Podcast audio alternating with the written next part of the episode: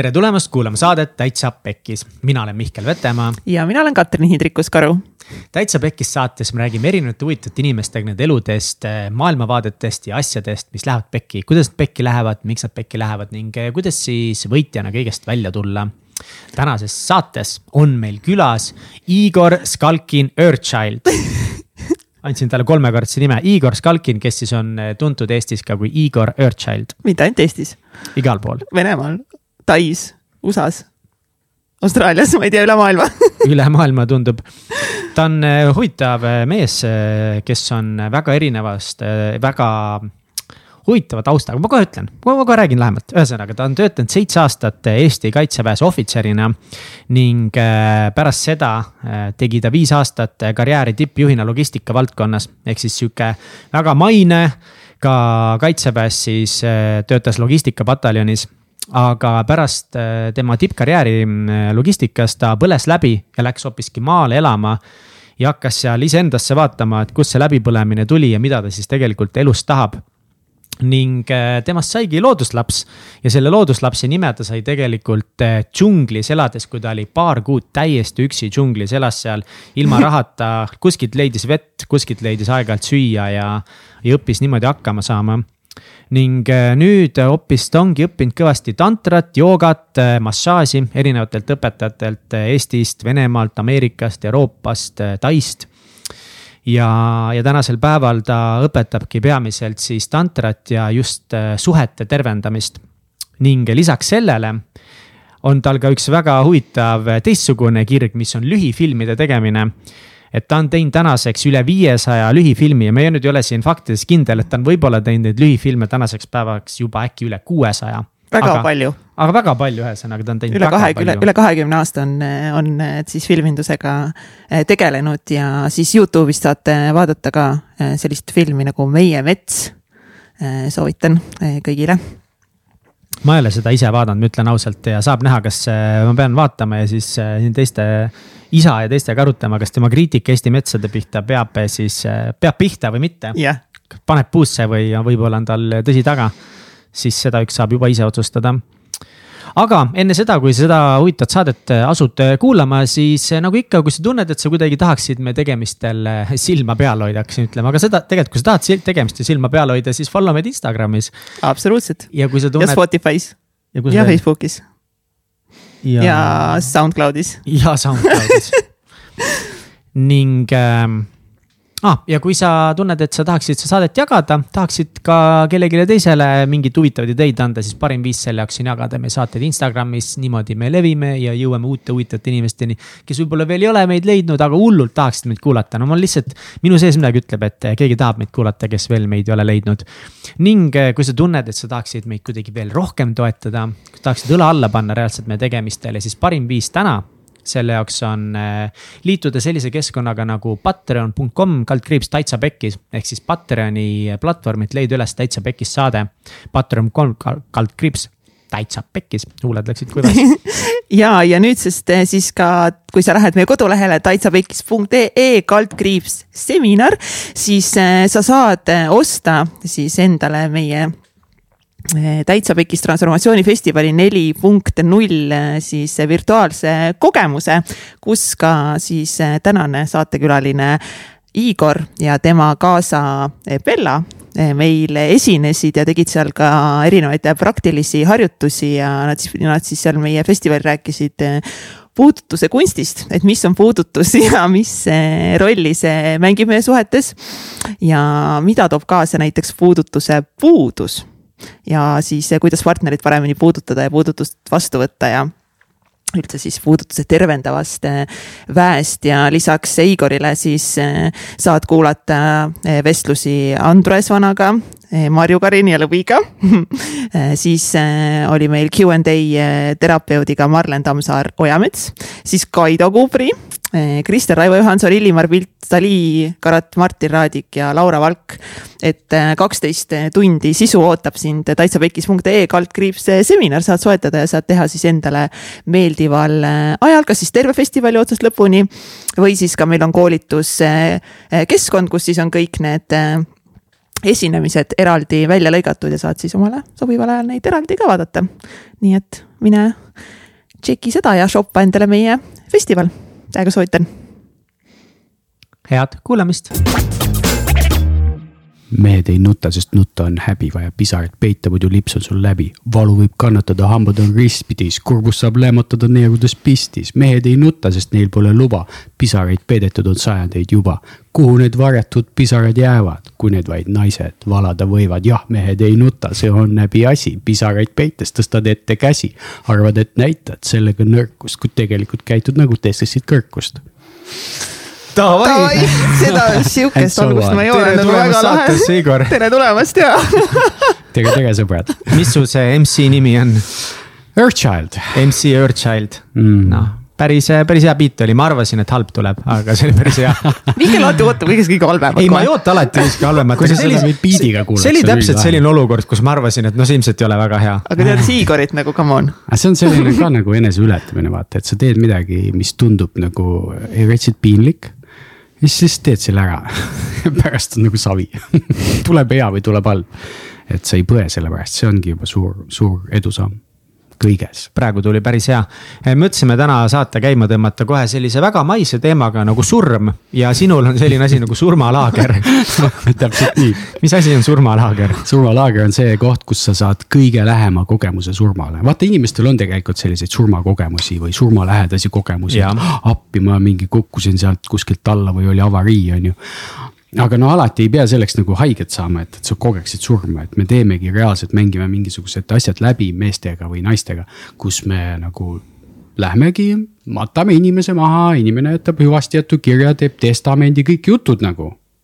kuni selleni välja, et that's it, nüüd on minek nägemist ja inimesed saad aru, nad plahvatavad nutma, kõik emotsioonid tulevad välja, nad on päriselt seal, nad on täiesti kohal. see on see hetk, kus sa oled päriselt kohal, sest et surmahetkel sa oled päriselt lõpuks oma kehas nii kohal, et miski muu enam ei loe, ükski pangalaen enam ei koti. ja inimesed saavad selle kogemuse kätte ja korraga nad mõistavad, oot-oot-oot, miks ma üldse siin olen, mis elu ma nagu elanud olen ja teevad nagu radikaalseid shift'e oma elus peale seda sama laagrit kas sa ise said siis sarnase kogemuse tegid läbi ja siis hakkasid seda tegema, mõtlesid, et? see oli mingisugune kaks tuhat neliteist, kui ma olin Volga jõe ääres kuskil äh, mingis tantralaagris kuskil äh, Vene külas ja siis mind maeti sinna jõe kaldasse kuskile liiva sisse, nii et mul sai õhk otsa ja ma mõtlesin, et okei okay,. see ei kõla nagu, nagu hea plaanina, et õhk saab otsa. no selleni, et jah, ma, ma olin täitsa niimoodi, et nüüd, kas ma jään või lähen palun ärge matke ennast keegi liiva alla, nüüd õhk saab otsa Disclaimer. jah, et see ei ole nagu, don't try it at home aga miks sul nagu mingit toru suus ei olnud või midagi või õhku? et, et sul ei jää ühtegi õlekõrt, et sa mõtled, et oh, ma olen päästetud. okei okay,, räägi nüüd tehniliselt, kuidas see nagu välja näeb, mis asja? ma ei saa sulle kõike rääkida mm., mõte on selles, et, et äh, lõpuks, kui sa oled maa all ja on vaikus ümber ja sa saad aru, et nüüd on kõik, siis sul on valik sul tekib valik, kas sa, kas sa elad edasi või sa lähed. ja see valik, kui sa otsustad elada edasi, siis see on sinu jaoks hoopis uus elu, sest et siis sa juba tead, et miks sa elad, mis on sinu elu mõte milleks sa siia maailma tulnud oled, mitte niisama töllerdama ringi ja arvutimänge mängima ja, ja Woldist toitu tellima, vaid päriselt midagi tegema, et midagi ära teha. sa saad nagu purpose'i omale, sa saad eesmärgi omale elule aga seal ikkagist selles laagris, selles mõttes sa lähed ju ikkagist teadmise, teadmisega, et sind tuuakse sealt maalt välja. jaa, aga see on lihtsalt nii selle nagu tõelähedane kogemus, et mm. ma näen meeste nägudes, nägudes, ma näen nende naiste nägudes, et nad, nad on tõesti valmis Nad on, nad, nad saavad aru, kui tõsine see on. nojah, sest sa teed juba selle eeltöö täpselt, mis sa ütlesid, see mingi hüvastajatu kirjad, mingid testamendid, et sa mm -hmm. nagu teed selle, no et mitte lihtsalt, et nagu tere hommikust ja siis, et mingi noh, matame maha, toome tagasi maa peale, et sõbrad. nädalavahetus sihuke laager mm, -hmm. nad kõik teevad seal tööd, valmistuvad selleks, jätavad hüvasti, mõtlevad kõik läbi.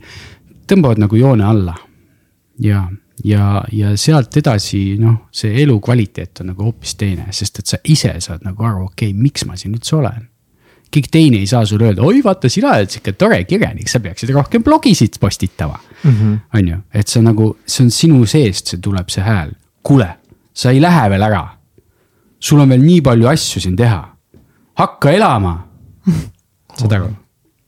aga teie laagris te panete kirstu või lihtsalt äh, paljalt äh,? kirstu. kirstu jah? mind pandi paljalt maa alla niimoodi, et mul oli niimoodi katsin ennast liiva eest, et mul oli natukene seal hingamise ruumi. aga siin me teeme kirstuga ja kõik tseremooniad, jutud, seal on, mina olen see pastor, kes seal loeb ette yeah. ja, ja kõik siuksed nagu, no nagu päris värk noh ah,. ja siis inimesed tulevad koos lähedastega sinna laagrisse või sa oled nagu üksi seal? üksi. üksi jah? sa tuled siia ilma üksi ja sa lähed üksi mm..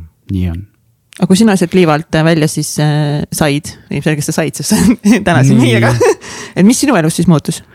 Tead, äh, väga palju ja see oli nagu see, see, kuidas ma sealt nagu välja kraapisin ennast liiva seest, ma nagu väike, mingi kilpkonn sündis minus. ma tulin nagu kilpkonnana välja ja kraapisin ennast sealt liivast välja ja kohe jõkke ja seal mind juba oodati niimoodi, inimesed võtsid mind vastu. ja pesid mind selle jõeveega, et see oli nagu selline sünni, sünnikogemus.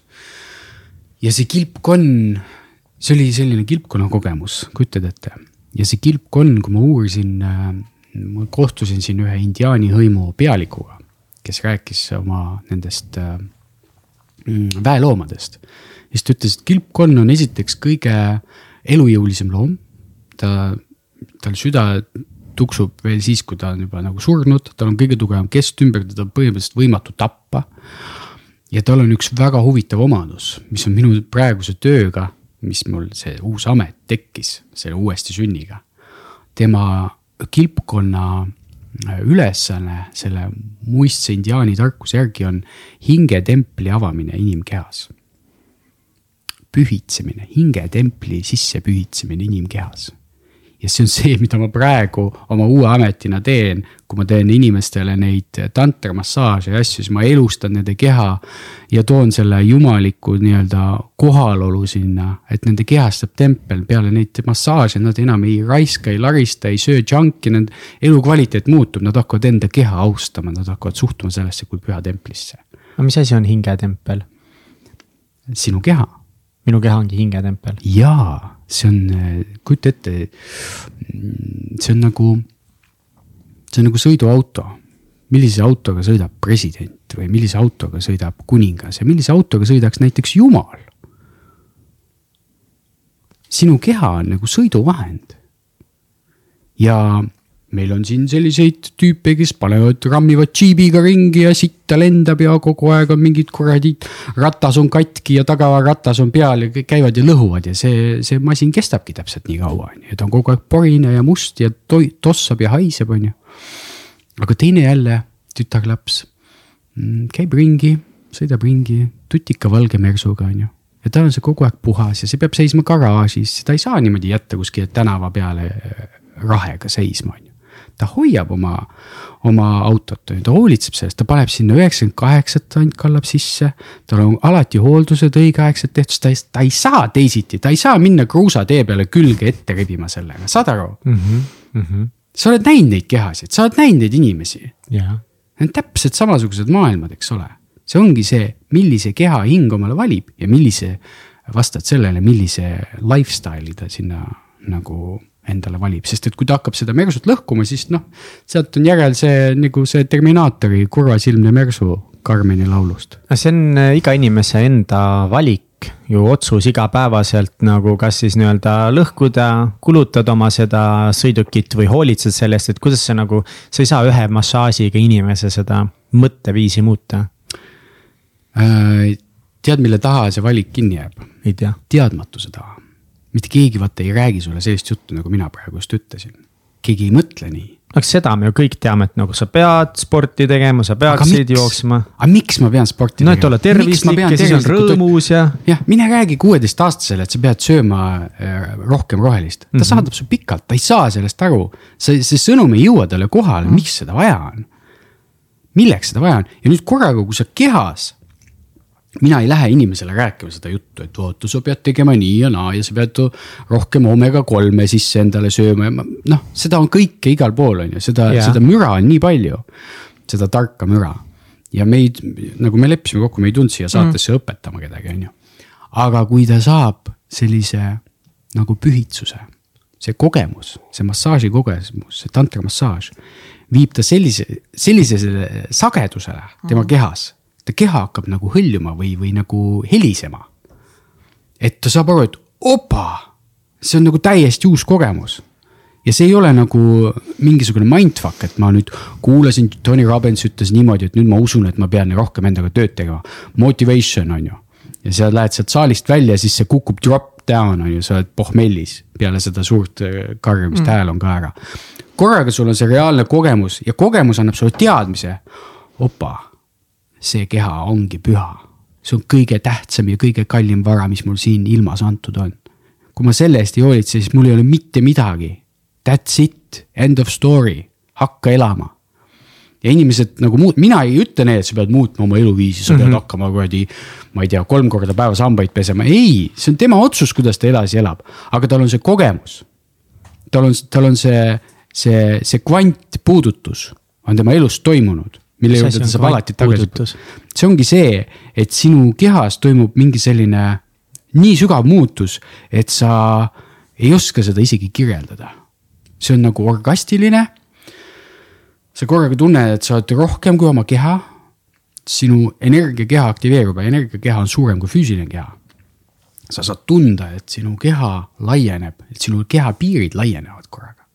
mingid sellised asjad toimuvad, et sa saad aru, et, et see, mida sa siiamaani oled õppinud ja enda kohta teadnud, on nagu alles äh, piisk meres ja, ja sealt tekib inimesel huvi edasi uurida, edasi õppida, edasi areneda ja valida juba neid asju, mis viivad ta sellele kogemusele lähemale, see on umbes nagu teed LSD-d ja korraga sa käid, tripid kuskil mm. mingisugustes dimensioonides ära, on ju. mis juhtus nende kuuekümne, miks meil on USA-s nii suur see New Age liikumine? Nii paljud inimesed tegelevad mingisuguste tšakrate ja, ja, ja mantratega. sest et nad kuuekümnendatel ja seitsmekümnendatel trippisid LSD peal ja käisid seal teistes maailmades ära. mõtlesid, vau, ja siis tulid tagasi ja hakkasid otsima teed sinna maailmadesse juba ilma nende aineteta. ja nii nad jõudsid nende erinevate mm, joogade ja praktikateni, hakkasid endaga tööd tegema, et saavutada seesama tulemus juba ilma aineta ja nii nagu me ennem rääkisime, et see aine on tore, aga sa annad vastutuse ainele ära. sa ütled, et vot ma, ma käisin seal, aga et ma, ma kogesin seda sellepärast, et ma tegin LSD-d või ajuvaskat. aga sa kunagi ei mõtle, et sina olid selleks võimeline, sa arvad, et see aine, see oli nagu mingisugune kiir, see oli nagu mingisugune kiirrong, mis viis sind korraga kosmosesse ja tõi tagasi, on ju. et sina olid lihtsalt turist seal. tegelikult sinu hing pakkus sulle seda kogemust viis su sinna. see oli võib-olla ainult vahend ja nüüd selleks, et jõuda nii kaugele, et, et sinu hing suudab rännata niimoodi. dimensioonide vahel, oma kehas. no miks see hing peab üldse kuskile rändama, miks seda nagu kõike vaja on? tead, kuidas ma ütlen sulle selle kohta? see on, äh, mina jõudsin selleni siis, kui ma olin siin äh, füüsilises maailmas kõik ära proovinud ma olin teinud kõik ekstreemspordialad, ma olin hüpanud langevarjudega igalt poolt alla, sukeldunud sügavõttele, veete sisse. teinud kõiki spordialasid, snowboarding ut, surfing, kõik.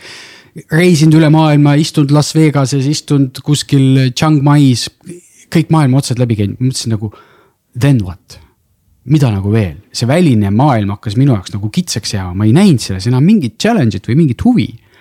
ja see andis mulle impulsi sukelduda sisemaailma ja seal ma olen nüüd trippinud juba üksteist aastat selles sisemaailmas ja see on siiamaani põnev. on igasugused äh, äh need mm, teadlikud unenägemise faasid on ju, on erinevad äh, meditatsioonifaasid, on igasugused hingamispraktikad, mis on mind viinud erinevatesse eludesse või asjadesse, ma kogen selliseid asju, mida see füüsiline reaalsus, see maatriks nagu ei paku, see on umbes nagu see mäng, kus sa teed nagu kümme levelit läbi. ja siis sulle öeldakse, kuule, mine, mine tee uuesti nagu mine mängi veel needsamad kümme levelit, kurat, ma juba tean kõiki neid kohti on ju, ma olen sealt kõik need levelid läbi käinud. no mine vaata veel, on ju, mine vaata veel, kaua sa jaksad. siis avad nagu selle teise maailma, mis on veel suurem. no mõne inimese jaoks võib-olla piisab sellest äh, maailmast, ma mõtlen, noh, et ma ei ole reisinud üle maailma veel, ma ei mm -hmm. ole kõiki ekstreemsporte proovinud. kuidagi tundubki, et ma nagu tahaks ära käia seal Las Vegases, enne kui ma enda sisemaailmast tahan minna, sest see kuidagi. see Las Vegas tundub mulle väga nagu konkreetne ja reaalne, tundub nii huvitav mm. -hmm. see ei tundu nii huvitav, kui padja peal mediteerida. absoluutselt, ma saan sinust täiesti aru ja, ja, ja sa pead ja teegi seda. tee, ela, ela oma unikaalset elu. ja lihtsalt üks hetk mm, sa küpsed sellesse, kus sa tahadki mm, kogeda hoopis, hoopis sügavamat elutõde ja saada aru, et, et see illusiooni siin rändamine noh, on nagu piiratud.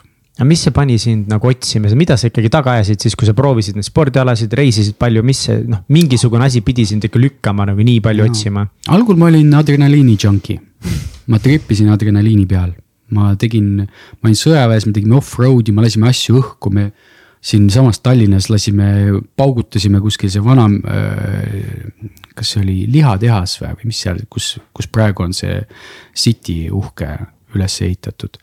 siis me ikka nagu noh, me lasime ikka kilode viisi igast lõhkeainet vastu taevast ja kihutasime mingite suurte masinatega läbi kraavide mingid nelikümmend liitrit sajale, seda, seda. no iga meest ei, iga mees ei saa seda luksust endale mm -hmm. lubada et, et ma ajasin seda adrenaliini väga tugevalt taga. nii huvitav on sind ette kujutada mingi tegevväelasena, et nagu, ma ei, ma ei oleks elu sees seda arvanud, et sa oled, oota kus kohas sa olid, kes olid sidestaabipataljonis olid? sidepataljonis, ma olin Kuperjanovi pataljonis, ma olin Tagala pataljonis, ma olin kaheksa aastat kaitseväes. kuidas sa, sinu samamoodi lihtsalt pärast ajateenistust tundus nagu lahe ja läksid või mm,? ja mul tegelikult juba ajateenistuse ajal oli teada, et ma lähen ohvitseriks aga ma tegin nii palju pahandust, et mul, mul ei tulnud see väga lihtsalt, see ohvitseriks saamine. mis see tähendab? no ma olin sihuke noh, ulakas no nii, mis on ulakas, mis see tähendab? Mis tähendab ulakas uh,? ulakas on see, kes. mölisesid ülematega või ei lihtsalt ja, ja, viilisid või? viilisin kõike seda, ma kompasin piire, ma alati kompan piire. aga mi, miks sa nagu, kui selles mõttes, et kui sa nagu tahtsid möliseda ülematega, tahtsid viilida, kõik see klassikaline süsteemile vastu töötamine. nagu kaitsevägi on nagu sihuke koht, kus on väga tugev süsteem, üldiselt nagu seal on, ma väga usun konkreetsesse süsteemi, rutiini, ma usun, et seal see peab nagu olema. miks sa tahtsid minna siis sinna veel sügavamale süsteemi? see oli nagu noh, tol hetkel oli see fun, mulle anti nii palju igasuguseid püsse ja padruneid ja, ja lõhkeainet ja. ma lõpuks jäingi sellega vahele, kapo tuli mulle koju läbiotsimise, korjas mul lõhkeained ja, ja pad, padrunid kokku ja. ai, ai, ai, paha poiss ma olin, ma olin väga paha poiss ma ei osanud selle süsteemile, no see oli täitsa pekkis, on ju et ma ei osanud selle süsteemiga nagu lõpuni nagu kohaneda, et ma ei suutnud endale nagu seda mütsi pähe tõmmata. et ma jäin rebeliks mm. -hmm aga kaheksa aastat pidasid seal vastu, miks sa nii kaua olid seal ikkagi mm,? ainult no, fun'i pärast või? lõpuks ma tundsingi, et nagu mingi hetk ma seisin seal keset metsa, on ju. noored ajateenijad ja ma mingit lörtsi sajab kuskil siin männikul ja mõtlen. oota Igor, mida sa nagu siin teed, mis asja sa siin teed? ja siis mingi kuu aja pärast oli reid ja oli asi otsustatud et see käis niimoodi ja ma olin sellest mängust väljas. aa, visati välja sind? Või vallandati, kuidas seda nimetatakse? lõpetati leping ja põhimõtteliselt jah, vallandati, sest et kuna on mingi kriminaalsüüdistus, siis. aga Krimkat ei saanud selle eest, et kodus lõhkeaineid äh, hoidsid ja varastasid neid sealt? see ei olnud nagu varastamine. no veits nagu on tegelikult see oli see, et mul on nagu tsink. ümberpaigutamine see oli, see tsink oli seal selleks, et järgmistele laskmistele kaasa võtta, sest et lattu tagastamine on lihtsalt liiga keeruline, sa pidid täitma mingi kümme paberit ja keegi ei viitsinud seda kunagi teha, et lihtsam oli see tsink panna kuskile seisma. järgmine kord on laskmised, võtad kaasa, mida ma ikka teen nende padrunitega, lähen Balti jaama turule müüma neid või? keegi ei taha ju neid. Tänapäeval võib-olla tahaks, aga siis oli see nagu nii mõttetu kaup yeah. ja kõigil nagu vedeles neid mm, -hmm. et mhm. see. see, et kui, kui tuli välja, et nii, et Igoril on seal mingi jama, kõik ruttu jooksid koju, hakkasid oma kuradi tsinkega lattu ära tooma, et, et eh, rohkem reide ei tuleks. et noh, see oli selline elu ja, ja ma nagu noh, tol hetkel mind see nagu vihastas ja ma olin nagu pahane, et ai-ai, on ju aga tegelikult see päästis mind ära, see päästis mind sellest, sellest, äh, sellest suletud ringist, sest et sa ei saa sealt niisama välja. see on nii mugav elu, sa ei pea mõtlema, kõik otsustatakse sinu eest ära, riided on sul seljas, sa saad kolm korda päevas süüa, sa oled nagu, hoitakse nagu sitta pilpa peal ja, ja sealt välja tulla on, on nagu challenge, aga minul käis see kuidagi plaks, hästi mm -hmm. lihtsalt mm. -hmm. ei, ma saan täiega aru, sest see on, see mingi ajateenistus või see tundub nagu hullult raske, sest tegelikult see on nagu hullult lihtne. see on selles mõttes, see on füüsiliselt raske, aga see ongi mega lihtne, sa ei pea midagi mõtlema. ja nagu ma näen täiega, et nagu paljud inimestel mõttes sobibki, et kui sa ei oska nagu oma elu eest vastutust võtta, sul ei ole sihti, sa ei tea, mida teha, siis hea küll, ma lähen sinna, mulle antakse riided, raha, sa oled kõigiga võrdne. on ju, see on sama munder, kõik on võrdsed, ei ole mingit diskrimineerimist. sest sul ei ole ägedad püksid või midagi ja lihtsalt öeldakse, et mine sinna, seisa seal. Nüüd tule siia, kaeva seda auku et tegelikult see on nii lihtne. just, nii on. no sul sai kopp ette sellest siis ikkagi? no ikka, ikka varem või hiljem saab no,. no mis edasi paugutab. tegid siis, mis sa, mis sa hakkasid oma elust otsima mm,? ma võtsin aja maha, mingi suvi otsa chill isin Pärnus ja siis sügisel äh, leidsin omale siukse töö mingi USA ettevõttes, hakkasin mingit elektroonika vallas logistikat tegema. ja mul oli sihuke lennuk, et ma nagu tõusin nagu rakett taevasse, mu karjäär lendas niimoodi ülesse, et ma jõudsin viie aastaga selle, selle ala tippu. nagu sellest, et kui ma läksin sinna tööle nagu laopoisiks, äh, mingid karpe vedama, on ju, komplekteerima. ja siis ma unistasin, vaatasin, oo, tarneahela juht, et see on nagu lahe, et see on nagu viimase peal amet. lendad lennukis ringi, käid mingeid tehaseid mööda, on ju. käid tarnijatele näppu tagumikku toppimas, on ju. et see oleks lahe, viie aasta pärast mul oli laua peal tarneahela juhi pakkumine, palun. mis sul juba... aitas saada nagu nii kõrgele, mida sa tegid teistmoodi kui kõik teised? ma tegin rämedalt tööd. ma lihtsalt tegin hull, ma panin tööhullu täiega, ma tegin sõjaväes ka, ma olin räme hull. mul oli niimoodi, et sõjaväes oli mul seljakott oli kogu aeg pakitud. metsaõppus lõppes ära, nädalavahetus, ma olin Kaitseliiduga metsas, tulen Kaitseliiduga metsast välja, lähen jälle uuele metsaõppusele. ja niimoodi panin kogu aeg, sellepärast ei olnudki aega neid padruneid koristada enda järel. siis äh, sõjaväest oli mul see juba külge jäänud, selline töönarkomaania ja ma läksin selle, selle rasva pealt läksin eh, eraettevõttesse, ameeriklased vaatasid kohe, vau, sihuke masin, no davai, anname ainult nagu tuld. ja, ja ma tegin nagu vinge karjääri, siin Eesti kohta ikka nagu täis tipp, nii et ma olin lõpus viimased äh, kolm aastat ma olin tippjuht, logistikajuht Eesti kõige edukamas äh, ettevõttes, mis tegi, tarnis seal sihukeste veoautode ja masinate ja busside äh, tehastele kaupa ja, ja see, see elu oligi selline nagu, nagu tippjuhi elu, kuidas ma ütlen sulle, sul on kõik, sul, sinu eest on kõik lahendatud. palju raha ja palju tööd. jah, ja hästi palju tööd hästi palju pinget. aga ja... kuidas see lõppes sinu jaoks? põlesin läbi selle, sellesama auru pealt yeah. kogu aeg, see tamp lihtsalt põletas mu niimoodi läbi, et ma sittusin verd lõpuks noh sõna otseses mõttes või? sõna otseses mõttes, see läks ikka niimoodi, ma olin haige, ülekaalus, räme, täiesti nagu vaatasin, vihkasin ennast täiesti, vaatasin peeglist nagu oh. täiesti õudukas noh ma olin, ma olin. aga selles mõttes, et see, sa ju noh, et selles mõttes see pidi nagu siis sinu sees kogu aeg kasvama, see teatud enesevihkamine, see ei olnud ometi nii, et.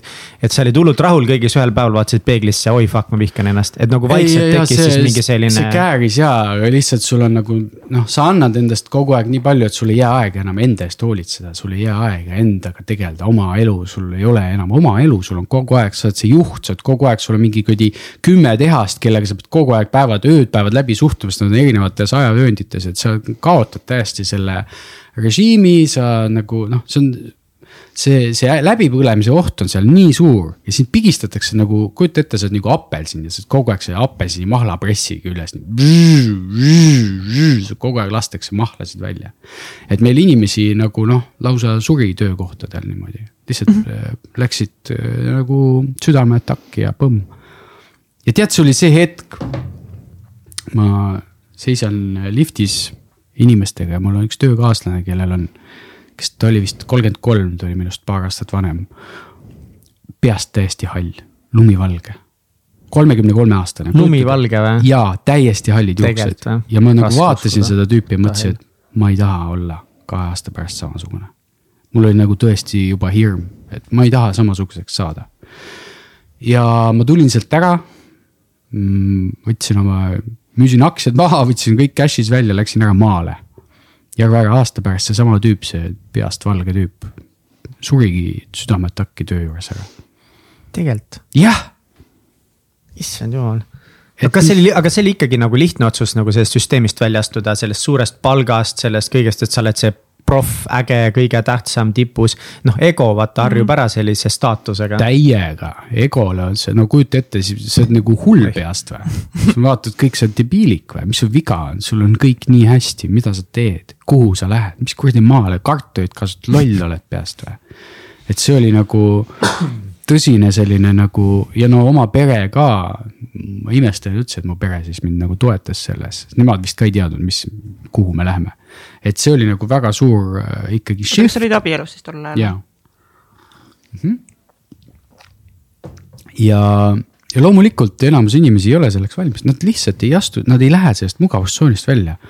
sul on kõik tanklate kütusekaardid taskus, sul on ettevõtte auto tagumiku all, sul on krediitkaardid, sa käid Tallinna parimates restoranides, sööd, mida tahad, seal on ju, sul on kogu aeg nagu ette-taha, sul on assistendid, büroojuhid, kõik on sinu eest nagu selles suhtes tehtud. aga samal ajal sul on päevas sada viiskümmend emaili, millele vastata. kolmes erinevas keeles. ja see lihtsalt, see on nagu iga päev on jälle järgmised sada viiskümmend ja järgmised sada viiskümmend. sama nagu, sama muster, sama, sama mäng iga päev. no uued probleemid kogu aeg. nagu sama asi, põhimõtteliselt sama asi. ja, ja, ja, ja kogu aeg sa pead nagu nii palju andma, et see ongi nagu sihuke mahlapressis elamine. kas pidutsemine käis ka selle juurde? no ainult räme joomine, kui mm. siis noh, kui oli pidu, siis ikka kõik tõmbasid ennast täis. et, et ära unustada kogu see see reaalsus ja enamus inimesi põgenevadki läbi, läbi alkoholi. ja, ja sa jõid ka siis palju või? sõjaväe ajal ma jõin väga palju. kui ma olin sõjaväes, siis ma jõin noh, sõjaväelased ja ohvitserid, need, need joovad ikka ennast pildituks. ikka nii kui, nii kui vähe saab. miks? sest et seal on see, seal on see mõnes mõttes see vaimne terror on isegi suurem. et sa nagu mõtled küll, et noh, elu on lihtne, on ju, aga sa pead ennast, enda isiksust nii palju alla suruma, et sa, sa pead nagu väga tihti nagu endale vastu töötama aga kuidas see maale kolimine sinu jaoks nagu välja nägi, et sa reaalselt olidki, et ma enam ei suuda, ma olen läbi põlenud, ma situn verd. pea, juuksed lähevad halliks, joon mm -hmm. ja siis äh, andsid lahkumisavalduse ja maale või? kas ostsid mingi maja maal või läksid kuskile kellegi juurde või ah,? see oli ka pull, no meil oli üks maamaja vennaga kahe peale, kuna meil esivanemad surid ära, siis jäi maa ja maa, maamaja maha, ma läksin sinna, hakkasime putitama, tegime ta ilusaks ja hakkasime seal nagu elama ja põhimõtteliselt esimesed pool aastat ma lihtsalt istusin pliidi ees ja vahtisin tuld. aga võtsid pere kaasa sinna?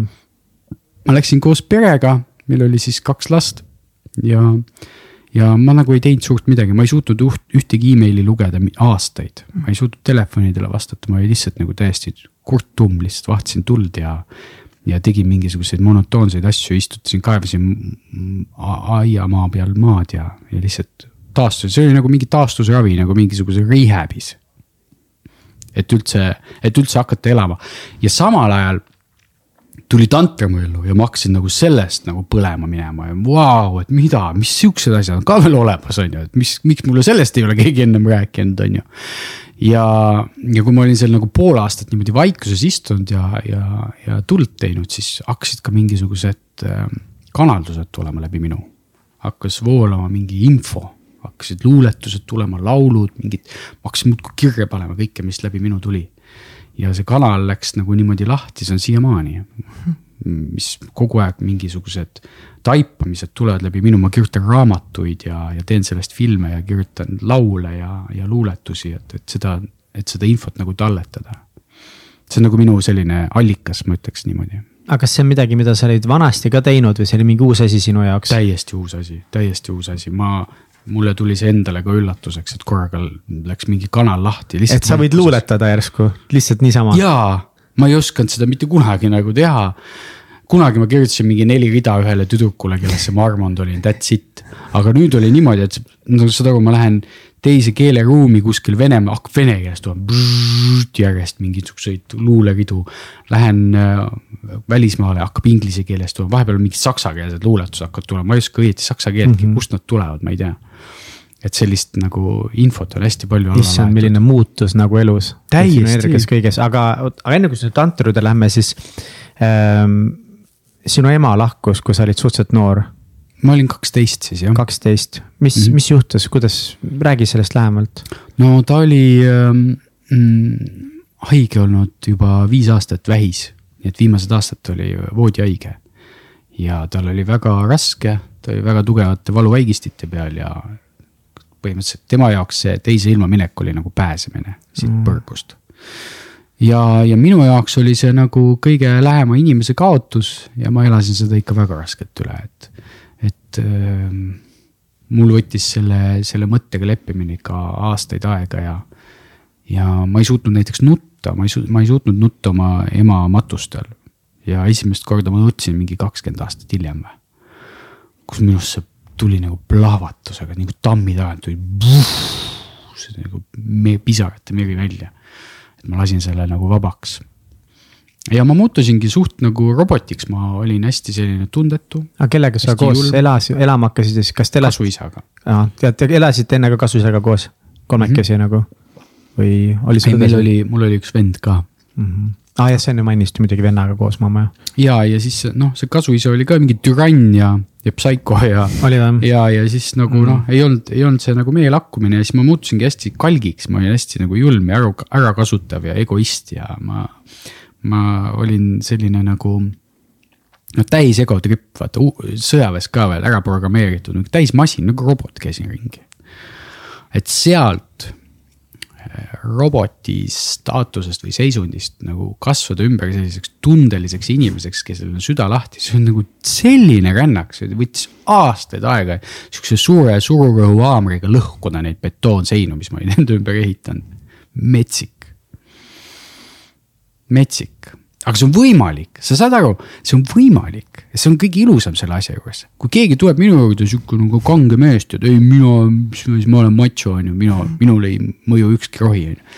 siis ma tean, et tema sees on see väike laps, see poisike, kes tahab naerda ja tahab kõkutada ja tahab elada. ja see on temas olemas ja see on võimalik päästa sealt välja tean seda. millal sa esimest korda täpsemalt siis äh, nutsid oma ema surma pärast, millal mis, mis see oli, mis aitas sul need pisarad mm -hmm. siis välja tuua? see oli ühe äh, noore poisi, ühe noormehe matused, kes suri OD-sse ja, ja. üledoosi. jah, ja seal olid mu venna sõbrad, ma, ma teadsin seda gängi, see oli sihuke gäng. ma teadsin neid inimesi, aga nad noh, käi-, käisime läbi, aga nad ei olnud minu mingid suured sõbrad. ja korraga seesama, sellesama kuti matustel, mul korraga läks käis sihuke. ja ma nutsin niimoodi, et mul ojadena, seda nagu vesi voolas mul niimoodi lihtsalt. see oli nagu mingi impulss, mis ma sealt sain, mis päästis lahti see aastakümneid kogunenud nagu valu tuli korraga niimoodi välja, täiesti sellises nagu suht nagu võõras seltskonnas põhimõtteliselt. ja ma ulgusin mingi tund aega vist järjest, muudkui jooksid pisaraid ja nutsin seal ja lasin see kõik välja tulla endast see, see oli päris selline nagu vab, väga vabastav kogemus minu jaoks mm.. aga siis, kui sa sinna maale eh, kolisid, eh, siis noh, tegelikult vist see suhe ei olnud ka kõige tervem, milles sa tookord olid või? või? Ja see suhe oli keeruline ja võib-olla mõnes mõttes see minu läbipõlemisele aitas kaasa ka see, et mul nagu tagala logises, et mul ei olnud nagu tuge taga, et ma jooksin sealt töölt nagu koju ja siis hakkasin lastele nagu süüa tegema, sest et naisel olid mingid psühhoosid ja mingid hood on ju, siis ma pidin talle seal vahepeal nagu vist kiirabit kutsuma või midagi ja siis ja siis me läksime maale, et ka nagu seda nagu rahustada, et ma ütlesin, okei okay,, siis ma olen rohkem nagu laste jaoks olemas, et ma olen kodus ma olen kodus ja ma teen neid töid, ma teen samal ajal seda Timothy Ferrise nelja tunni töönädalat, on ju, ja ülejäänud aja ma saan siin lastega tegeleda, on ju. et see oli nagu minu see nagu initsiatiiv. ja, ja see toimis see toimis väga kenasti ja, ja looduses olemine ja värskes õhus, see ikkagi noh, see, see tervendab, see tervendas mind väga palju ja see tervendas ka meie suhet. mis ikkagi mingist hetkest nagu ei jäänud kestma, no sest et sealt tulid uued väljakutsed. mis väljakutsed tulid? no seal läks ikka ka täiega pekki noh et äh, see oli sihuke huvitav seis, kus Äh, see maamaja seisis, meil olid mingid üürnikud seal sees ja vend reisis ka mööda maailma ringi, oli kuskil Austraalias, siis ma ütlesin, et kuule, tead, et ma siin plaanin nüüd äh, maamaja, maale kolida ja maamaja korda teha ja olla seal, ta ütles jaa, Savi, et tee, mis tahad umbes, ta nagu, tal ei olnud selleks tol hetkel aega ja siis ma läksin sinna suure ameti pealt tulnud, raha nagu on, on ju, investeerisin, ehitasin, tegin mingid vannitoad, asjad, panin sinna raha sisse ja. aga siis tuli vend tagasi ja ja hakkas nagu huvi tundma ja talle hakkas ka see koht nagu jälle nagu meeldima väga ja, ja siis. kuna juriidiliselt oli tema nagu omanik, aga kokkulepe oli, et me oleme nagu, see on meil kahe peale, me seda kunagi ei müü.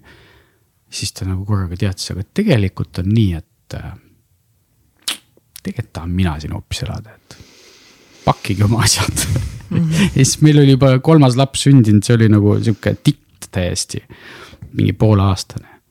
Ja siis me oli nii, ahah, okei okay,, et äh, tore oli, on ju. ma olin oma peres nagu täielik nagu luuser, on ju, ma nagu rääkisin, et me elame maal, see on meil maja, on ju, me oleme siin nagu täiesti nagu lõime oma nagu maailma sinna, on ju.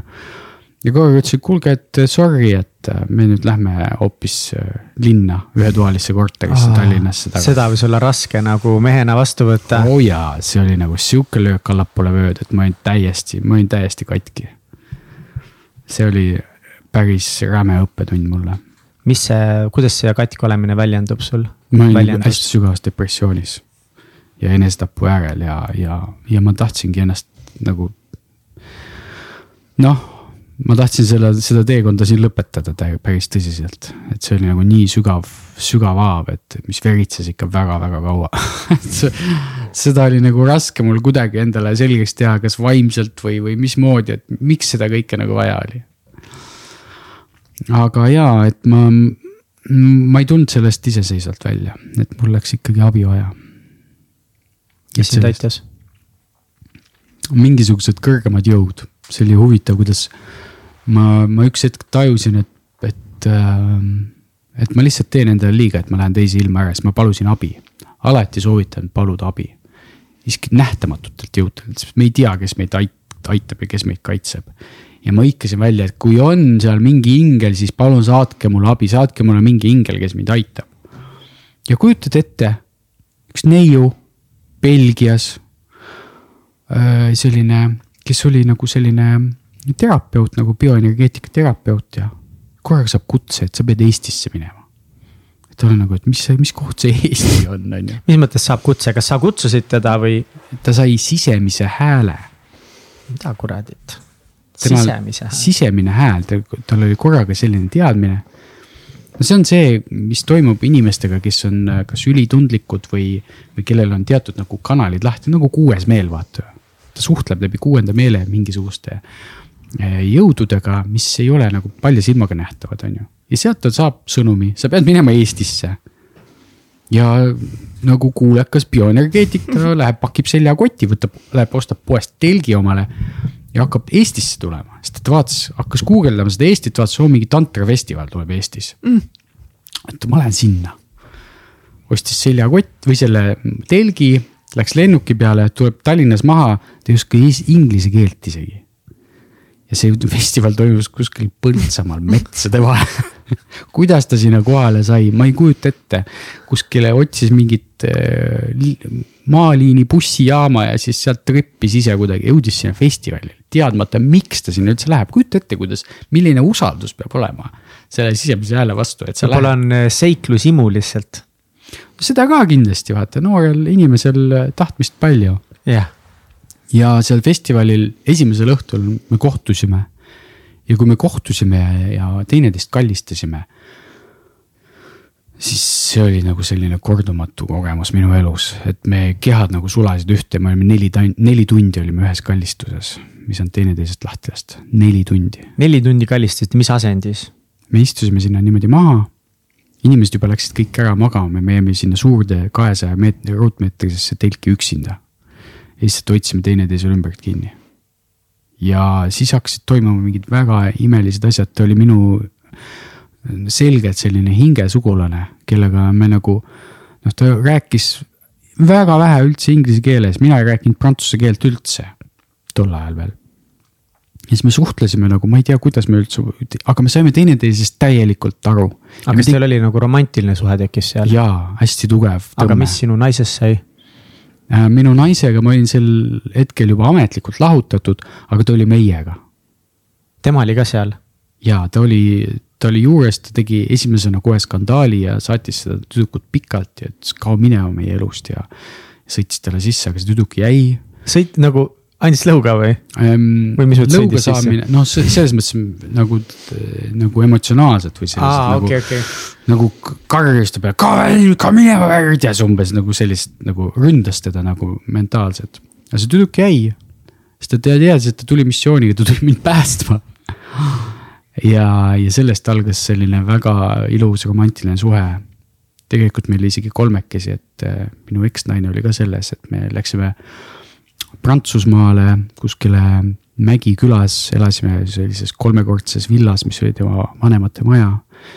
mul olid seal minu lapsed kaasas, mul olid need kaks naist ja siis me seal käisime, korjasime lavendrit ja ja, ja käisime, rändasime mööda Prantsusmaad ringi. mul on tunne, et siin nagu paar olulist sammu nagu puudu, sest eh, see Belgia tütarlaps tuli sinna laagrisse teil tekkis mingisugune side ja suhe seal laagris, te ei olnud nõus üksteisest lahti laskma. sinu eksnaine oli kõrval, läks ülikettasse selle peale, hakkas karjuma selle tüdruku peale, sest loomulikult noh, mingi võõras naine nüüd tuli nii-öelda, okei okay,, tema eksmeest ametlikult, aga tema ikkagi nagu Täpselt. meest justkui ära võtma. kuidas siis nagu, kuidas te sealt jõudsite sellesse kohta, et te olite kolmeses suhtes üldsegi? no ma ei tea, kui palju meil aega on, et seda kõike detailideni kirjeldada, aga põhimõtteliselt see jätkus niimoodi, et me tegi, tegime ühise Messengeri chat'i ja me hakkasime suhtlema ja me hakkasime nagu sõbraks saama. et äh, ma. et su üks nagu leebus kuidagi sellega või, või? Tekkis, tekkis selline armastus meie kolme vahel. Nad hakkasid teineteist ka armastama. et see, see tõi, see tüdruk tõi hästi palju tervendust ka meie suhtesse, kuigi noh, et me, me jäimegi nagu, nagu kolmekesi juba kokku. see ei olnud niimoodi, et okei okay,, et et ma kolin ühe juurest ära, lähen teise juurde, nagu meil sihuke klassikaline mm. sihuke paari story on ju. kumma ma võtan, kas Juuli või Maali on ju ja nüüd ja, ja kogu aeg on see nagu see otsustamise koht on ju, see valik on ju, see Anna Karenina on ju, kas üks mees või teine on ju. aga me läksime seda teed, et me võtsime kõik nagu sellesse armastuse ruumi vastu. ja me lõime sellise liidu, kus me saime kõik koos terveneda. aga mis, mis su endisel elukaaslasel aitas nagu üle saada sellest või nagu leida rahu kuidagi sellega, et jõuda nagu sellest, sellest suurest kaitse ja vihakehast nagu siis sellesse armastuse ruumi mm,? See vastuvõtmine, see, et meie, ta teadis, et meie vahel on kõik läbi. aga me olime valmis teda vastu võtma ja me pakkusime temale sedasama armastust, me jagasime oma seda kirge temaga. mida me tundsime ja mida me kogesime ja me tõime ta sellesse nagu ringi sisse ja see tervendas tema valukeha. et ta sai sellest ka eh, nagu indu ja inspiratsiooni, armastus ravib kõik haavad mm. -hmm. päriselt kuigi seal hakkasid ka, et meil esimesed õhtud olid imelised ja me seal tegime selliseid võimsaid kolmekaid niimoodi, et kuradi selgest taevast hakkas äikest lööma ja mingeid imelisi asju hakkas toimuma nagu sihuke tornis kuskil nagu, nagu no nii müstika oli seal olla, on ju. sihuke tantristlik kolmekas, noh, see oli hästi võimas aga seal hakkasid jälle mingid hõõrumised pihta ja tema nagu see minu eksi nagu armukadedus lõi üles, et siis ta, ta üritas nagu seda saboteerida kuidagi ja. ja lõpuks meil läks seal ka nagu täiega protsessimiseks, nii et üks hetk olime kuskil keset jõge, saad aru. mina selle tüdrukuga nagu ühel pool ja siis teisel pool see naine loobib suuri kive niimoodi nagu meie pihta, siis ma mingi kaitsen seda, lõpeta ära ja umbes saame üle, sest kas mingi täielik sihuke draama käis selline nagu mingi. no klassikaline suhe sel-, või mitte klassikaline suhe, mitte üldse klassikaline, aga selles mõttes see point ongi see, et okei okay,, et, et tekib see nagu noh see kiindumine, see esimene armumine, eks ole, see ongi alati selline pime, see, mis mm. -hmm. esimene armumine, noh, see mm -hmm. kuidagi vaigistab su meele, et nagu see nii-öelda teeb pimedaks sind kõigi muude asjade ees. ja kui see nagu üle läheb, siis ikkagi noh, kõik need teemad, mis teil olid lahendamata, võib-olla see tuleb ju kõik uuesti ülesse ja lõpuks see, et oot-oot, aga kummaga sa siis nüüd olla tahad ja. et noh, selles mõttes, et ma alles, ma kuidagi nagu saan aru, et see tuleb loogiliselt, et lõpuks see sitt tuleb ikka ülesse. aga mina arvan, et seal jäi puudu küpsusest et me ei suutnud nagu leppida sellega ja me kuidagi nagu seda küpsust jäi väheks, et me nagu usaldaksime lihtsalt armastust, et me ei läheks seda nagu võimuvõitlust, et kumb on parem, et ma. ma olen rohkem sinu naine või ma olen rohkem sinu mees, et. noh, see on mingi ekstra küpsus, et sellise asjaga üldse nagu hakkama saada mm., egod on ju nii haprad, et selles mõttes, et üldse nagu kui nagu ta, me oleme nagu sellest festivali ka rääkisime veits nagu sellel teemal mm, -hmm. aga mhm. no ikkagi see, et, et nagu olla mingis avatud suhtes või mitme inimesega no korraga ühes suhtes, et. ma ei tea, kui palju nagu sitta sa pead läbi töötlema. ja kui palju sa pead oma egoga nagu tegelema, et sellega üldse okei okay ja ma üldse, ma ütlen üldse, et sa ei, sellega ei peagi üldse okei okay olema, see on nagu mega fine, minu arust mitte sellega okei okay olla, aga kui sa nagu tahad sellega okei okay olla see on see töö, mis sa pead endaga tegema, ma ei kujuta ette. aga milline on auhind, Mihkel? Ma ei, aga milline on auhind, on see väärt seda või? on, kujutad ette, kui sa ähm,. noh, kui sa koged sellist äh, armastust mitte ainult kahe inimese vahel, vaid see laieneb nagu sellisele grupile või kogukonnale. ja kõik on sellega nagu täiesti fine ja tunnevad, et nad tulevad sinna andma, mitte võtma sealt midagi. Sest et võtmine on alati ego ja andmine on alati süda, nii lihtne see ongi. kui sa lähed suhtesse andma, siis sa lähed südamega suhtesse. kui sa lähed suhtesse võtma, siis sa lähed egoga suhtesse. ja see küpsemine, seesama see töö endaga peab olema eelnevalt tehtud nii kaugele, et su ego enam ei pauguta, et ma tahan ja mul on vaja, aga mina, mis minust saab, miks te minu peale ei mõtle, miks, miks mina pean ootama. kõik need küsimused kaovad ära. sa oled valmis andma ja nüüd, kui nüüd grupp inimesi koos, kes kõik annavad, sa tead, kui võimsaid energiaid sealt tekib, ma olen neid näinud. ma olen näinud seda oma silmaga, see on, see on, see on võimas power, aga loomulikult selleks peab olema kodune töö tehtud. muidu see ei kesta lihtsalt. see on ka minu kogemus. mis seal paadi pealt siis edasi sai kividega loopimisest ähm,? toimus ähm, leppimine, toimus tervenemine me aktsepteerisime teda, tema valukeha, me lubasime sellel olla, me tõime jälle ta armastuse ruumi. ja, ja jälle me olime niimoodi sõbralikult koos, võib-olla enam mitte nii intiimsed, aga me, me säilitasime selle liidu. miks ja... teie seda liitu ikkagi siis säilitada tahtsite? vot see oli nagu ka mingisugune pime usk, et see on võimalik, see oli, see oli mingisugune minu mingi kinnisidee, et ma saan sellega hakkama kui mees, et ma suudan oma naisi hoida ja, ja, ja mingi hetk me, me loobusime sellest, sest et järgmine destination oli meil Tai. ja ma võtsin sinna ainult oma tütred kaasa ja läksin selle uue naisega Taisse elama. juba ilma, ilma oma eks-abikaasata. et, et jätkata seal seda kasvamist ja, ja suhet. aga kas tütred Taisse kaasa? No kas nad kus koolis ei pidanud käima või midagi? Äh, nad olid hästi pisikesed, üks kandis veel mähkmeid, oli kaheaastane ja teine okay. oli kuueaastane mm.. ja see oli ka hästi põnev, et, äh, et juhtus sihuke asi, et see uus tüdruk, kes minuga oli, Eliise. nii kui me jõudsime sinna saarele, mingid energiat muutusid, et tema nagu missioon sai läbi, ta tundis, et me mõlemad tundsime, et okei okay,, kõik. selle koha pealt lõppes meie suhe ära. ta tõi mind nagu kohale ma pidin sinna välja jõudma, see on nagu mingisugune jälle mingi nagu arvutimäng, et sind viiakse järgmisele levelile. kohtud seal järgmise kolliga ja siis liigud edasi, on ju. ja ta, ta tundis, et nii, Igor, ma pean nüüd minema. ta, ta, ta tõmbas mind sellest, sellest äh, depressiooni mullist sealt kuskilt äh, Elva linnast välja. ja pani mind sinna Tai saarele maha, sinna paradiisi.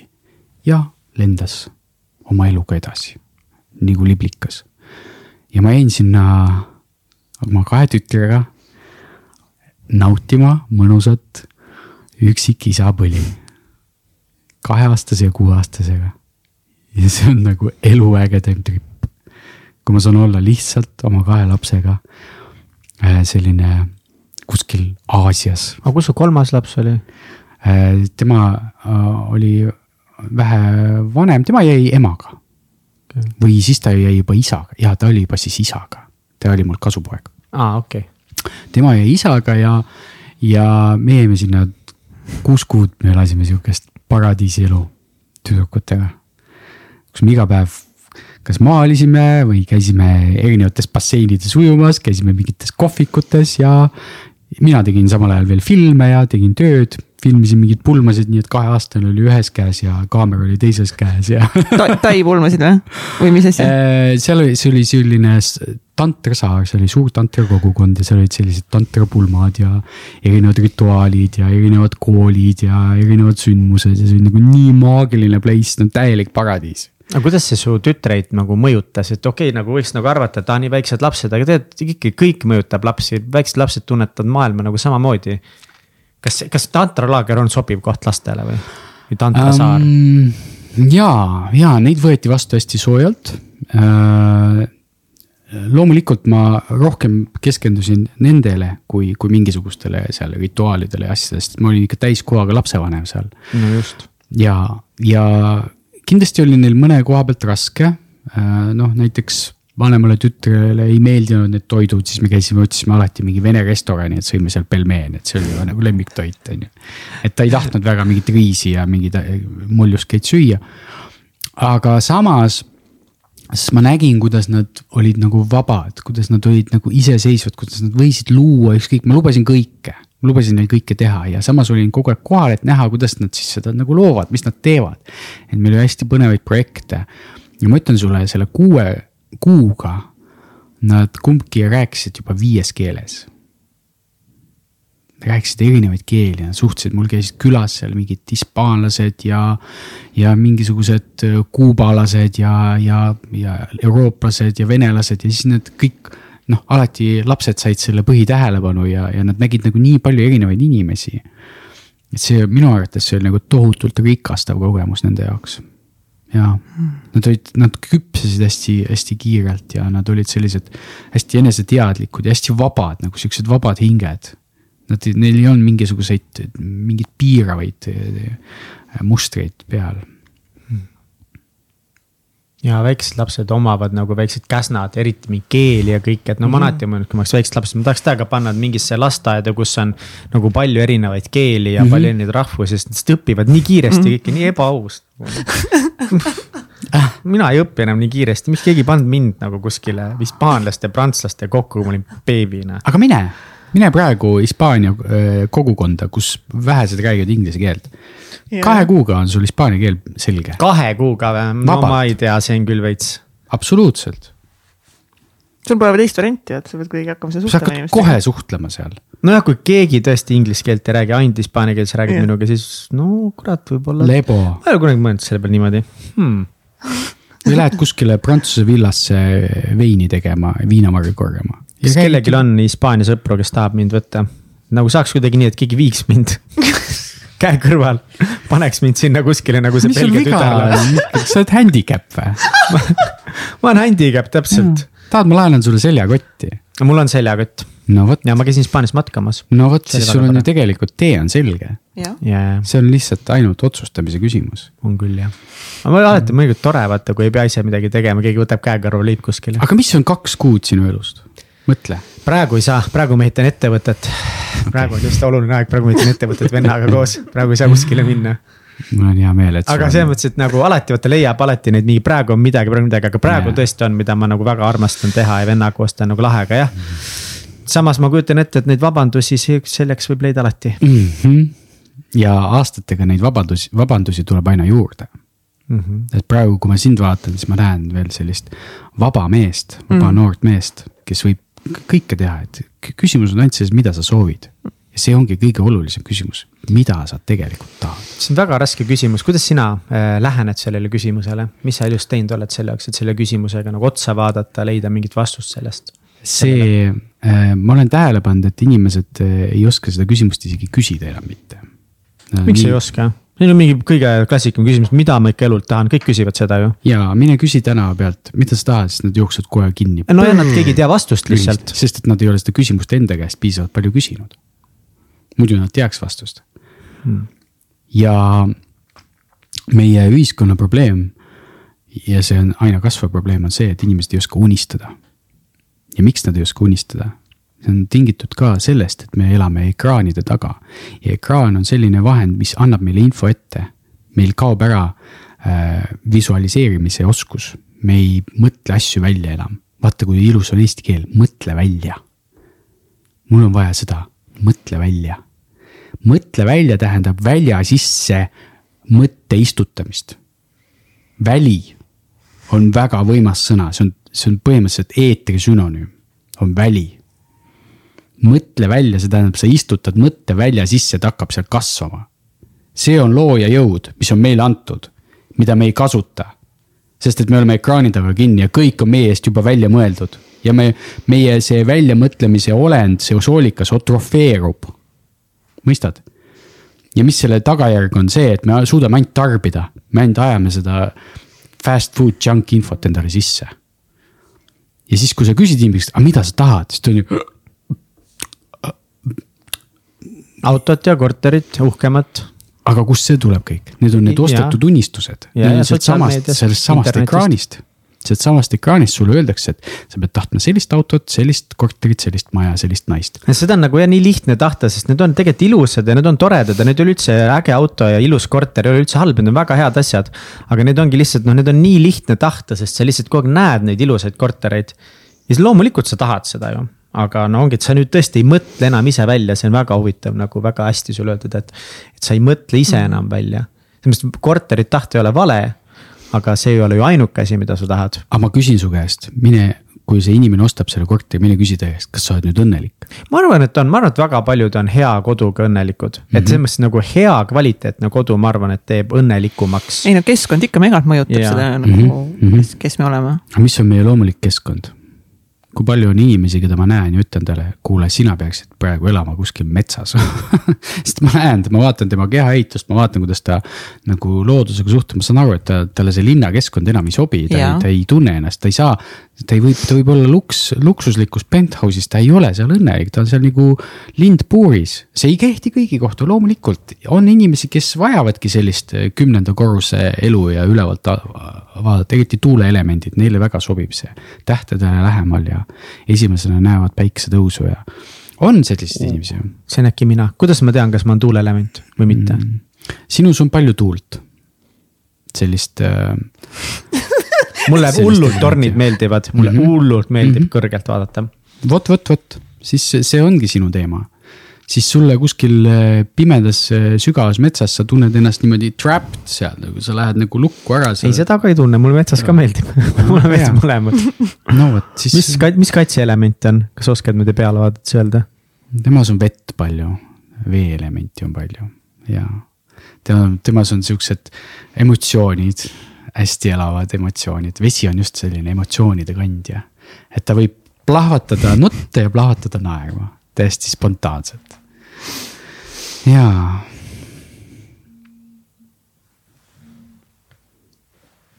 kas sa oled vee, veeelement, tunned ennast veena ära? kindlasti, ma arvan, ma tunnen ennast eh, väga paljudes erinevates eh, elementides ära. ja me olemegi erinevad, ega lihtsalt sa nagu jah, sa tajud, mida mm -hmm. on sinus nagu rohkem mm, Mhm. -hmm. mis domineerib vahepeal ja see on ka muutuv. ajaga täiega muutuv. jaa mm. -hmm. mis element sa oled? Ma olen, minus on äh, sihuke huvitav kombinatsioon nagu maa ja tuli. minus on hästi palju maaelementi ja minus on ka seda tulevelementi, seda sädet, seda mingit spontaansust, davai, teeme nüüd sihukese asja või, või midagi sellist. et sihuke ka natukene plahvatuslik kohati, aga samas jälle tš, kahe jalaga maa peal. selline huvitav kombinatsioon aga kuidas sa siis, kuidas sa siis nagu, kuidas siis sina täna otsid, proovid aru saada, mida sa nagu tahad? jaa, vot ma teen pidevalt sellega tööd, vaata Mihkel, see ongi nagu selline äh, nagu tööriist, mida ma kogu aeg kasutan. ja sellepärast ma olen ka elanud hästi erinevaid elusid. vaata, kuidas ma olen jõudnud nii palju nagu seinast seina ameteid pidada. mul on nüüd hunt kriimsilma kaksteist ametit on. sest et ma olen proovinud erinevaid asju, nii, nüüd ma tahan traktorijuhiks hakata, siis ma olen mingi pool aastat olnud traktorijuht, sõidan mingi suurte masinatega ringi põldude peal, vean mingisuguseid heinapalle kokku, ma olen seda teinud. saan selle kogemuse kätte. oh, tegelikult on natukene igav, et see on pikad traktoritunnid, ma rohkem ei viitsi ja siis ma lähen edasi.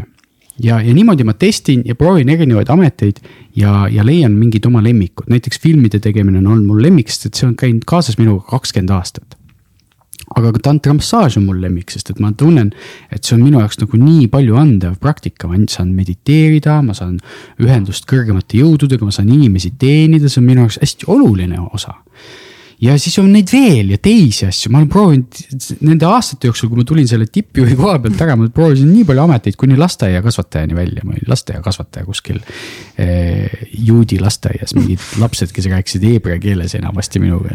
mingid täiesti, mul olid kuulid niimoodi koos, et see on nagu täiesti rets, kõige raskem amet minu elus üldse oli lasteaiaameti amet nii et siit tervitused ja suur kummardus kõigile lasteaiakasvatajatele, see on lihtsalt müts maha, see on nii raske amet.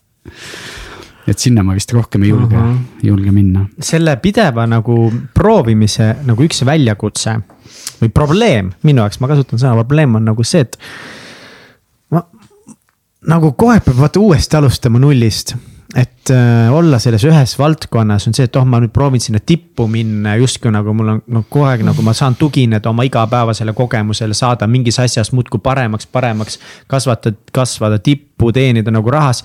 uute asjade proovimiseks sa pead kogu aeg minema sinna nulli tagasi, pead leppima sellega, et nüüd ma jälle ei oska mingit asja, nüüd ma jälle saan alguses vähe raha selle eest ja nagu see on, ma arvan, et väga paljude inimeste jaoks päris hirmutav, eriti kui sul on kohustused, lapsed, mingid muud asjad pead äh, toetama, sa pead nagu olema vastutustundlik justkui, sa pead, ma pean olema vastutustundlik ühiskonnaliige.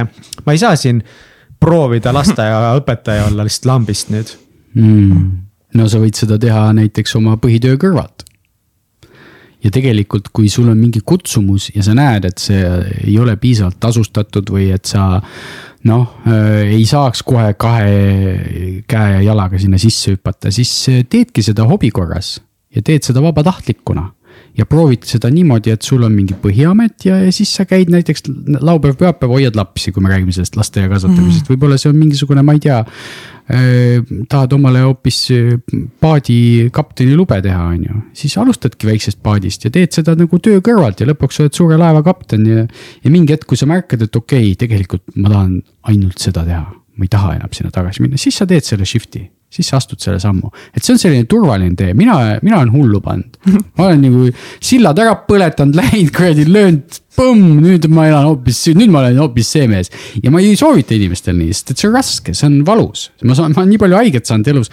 et see ei ole kindlasti see, et ma nüüd kõigile ütlen, davai kalduge, minge oma töölt ära ja hakake nullist pihta, mine puu alla elama. ma olen puu all elanud, ma tean, mis see tähendab ma olen mitu korda elanud puu all ja täiesti olnud täiesti nullis ja vaesuses. kus, kus puu all sa, oota räägi nüüd, mis puu all sa elanud oled äh,? sealsamas Tais ma lõpetasin niimoodi, et ma elasin džunglis.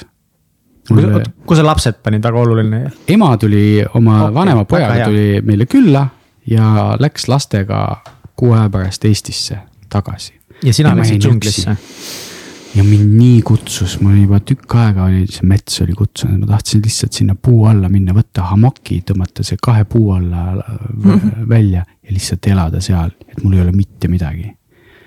ja siis ma läksingi ja ma elasin niimoodi kuid, elasin džunglis. mul olid ainult ahvid, ma sõin ainult kookospähkleid ja, ja lihtsalt mediteerisin päevad läbi. Magasin sealsamas metsas siis ma leidsin mingi koopa, siis elasin mingis koopas. mediteerisin, mediteerisin päevas mingi kuus tundi. ja. vahepeal käisid ikka kuskil linnas mingit, ma ei tea, mingit. linnasid nagu... seal ei olnud, seal oli üks väike külas kuskil mingit nagu muud toitu ka tarbimas. ma vahest käisin, sõin seal mingi kausitäie riisi ja võtsin joo, sellist head joogivett ja siis läksin metsa tagasi. ja niimoodi äh, sealt, seal avanesid minu jaoks täiesti uued äh, suhtlemisviisid maaemaga, üldse loodusega. sest et ma ei kartnud mingit mürgiämblikke ega skorpione, ma ei kartnud madusid ja ma olin nagu niimoodi. maa nagu hoidis mind niimoodi, kandis nagu käte vahel nagu peopesade vahel, ma olin kogu aeg hoitud. ma ei tundnud hirmu seal pimedas metsas ma ei tundnud üksindust, ma olin paradiisis, täiesti sellises kohas, kus ma mõtlesin, et issand jumal, ma võingi siia jääda, mul ei ole mitte midagi vaja mul ei olnud õieti riideidki enam alles. mul ei olnud enam raha ega mingit kaarti ega midagi, ma olin täiesti seal. mul oli veel ainult minu kaamera oli alles, kaamerakott, siis ma vahepeal filmisin ennast seal, kus ma seal džunglis mediteerin ja ahvidega tõtt vaatan ja, ja söön kokku, that's it. kas sa kuidagi liialdad ka praegu selle looga või? ei, ma hoian pigem tagasi ennast, ma ei taha päris kõike rääkida täitsa uskumatu. ja, ja, ja, ja, ja see Oota, oli. kus kohas see Tais? see oli Tais Kopangani saarel. Kopangani saarel. leidsin sellise koha, kus ei olnud enam, seal ei olnud äh, teid, seal ei olnud asustust, seal ei olnud äh, elektrit, ei olnud äh,, seal ei olnud mitte midagi, see oli ainult loodus, päike, that's it mm., elasin koopas kui palju sa mingit kehakaalu kaotasid, kuidas see sinu mingit noh, toitumist, kas see. ma nagu nägin ülihot välja. ma nagu mõtlen, et kas ülihot, aga äkki sa nägid ülipeenike lihtsalt välja, lihtsalt sa olid meeltesegaduses, arvasid, et sa oled hot ma mõtlen, et nagu nii üksluiselt toitumine nii pikka aega, kas see kuidagi mõjutanud su tervist, mingit vaimset seisundit? Põhimõtteliselt mul ei olnud üldse enam toitu vaja, ma võisin ainult sellest päikesest ka juba toituda. no vett pidid ikka tarbima, ilma veeta sa ei saa elada. jõin ja, ja, ja käisin ujumas, sest et nahk suudab ka läbi, läbi, tähendab nahk suudab juua ka ilma, ilma joomata, lihtsalt vett. et ma ma, ma ei tundnud, et mul oleks millestki puudust, Mihkel, mul ei olnud seda tunnet, et ma hoian ennast tagasi või ma äh, kuidagi kompenseerin või, või, või mul jääb mingit sotsiaalsust puudust, ma lihtsalt olin, see oli lihtsalt olemine. ja, ja see, ahvid vahepeal näitasid mulle veel mingeid puuvilju, mida seal süüa saab, tõid mulle siin, mina avasin neile kookospähkleid, nad ei osanud kookospähkleid lahti teha, siis ma tegin kookoseid lahti ja näitasin neile, andsin neid. Siis nemad tõid mulle vastu mingisuguseid, mingeid teisi puuvilju, mida ma üritasin seal süüa ja sihuke suur aru, selline tüüp oli mul seal istus kõrval nagu. mis, mis ahv, kas sa tead, mis nagu liigist? ei, ma võin sulle pärast videost näidata, kuidas ta välja nägi okay., selles samas metsafilmis, millest ma rääkisin, meie metsafilmis on see ahv on sees. on jah? okei. ja ta oli, näitab oma suuri. aga mida sa õppisid, mida see kogemus õpetas sulle? ma sain suhelda metsavaimudega, puudega. ma suhtlesin putukatega. Ma sain väga tugevaid ähm, praktikaid sealt ja laadisin alla mingisuguseid ähm, tehnikaid, mida ma olen nüüd teatud laagrites, näiteks surmalaagris olen meestele õpetanud mingeid hingamispraktikaid, mis viivad surmalähedasse kogemusse. Mis ma veel sain sealt? mul olid hästi võimsad ja pikad meditatsioonid, ma õppisin mediteerima niimoodi, et ma lülitan enda keha välja viieks tunniks. Ja mind nagu ei olegi, mind ei ole olemas ma pärast seda, kui ma sealt džunglist ära tulin, siis ma kuskil Chiang Mai's kuskil äh, bussijaamas võisin istuda niimoodi, panin omale mingisuguse mütsi või kausi ette ja, ja mediteerisin niimoodi päevad läbi ja inimesed panid sinna raha ja pärast õhtul ostsin sellest nuudleid omale ja, ja see oli kõik, mis mul oli. ja tead, mis siis, missugune shift toimus minu reaalsuses? Äh, reaalsus, see, seesama maatriks ka kandis mind. ma kõnnin tänaval, mul on üks sihuke sarong on ainult ümber. mis asi? sarong on selline nagu rätt, selline ah. kirju rätt on ümber, ma kõnnin tänaval ja ma tunnen, et ma tahan juua, siis ütlen ema, ma tahan juua. kõnnin edasi, siis viiekümne meetri pärast majast tuleb mingisugune kohalik mees välja tal on külmkapist välja võetud kaks plastikpudelit külma veega. tuleb minu juurde, istun tee äärde maha, ta annab mulle need veepudelid, siis ma joon. joon ära, tänan teda, lähen edasi. järgmine kord, ema, ma tahan süüa. kõnnid natuke edasi. pargipingi peal on sihuke kinni pakitud küpsisepakk, ootab mind seal.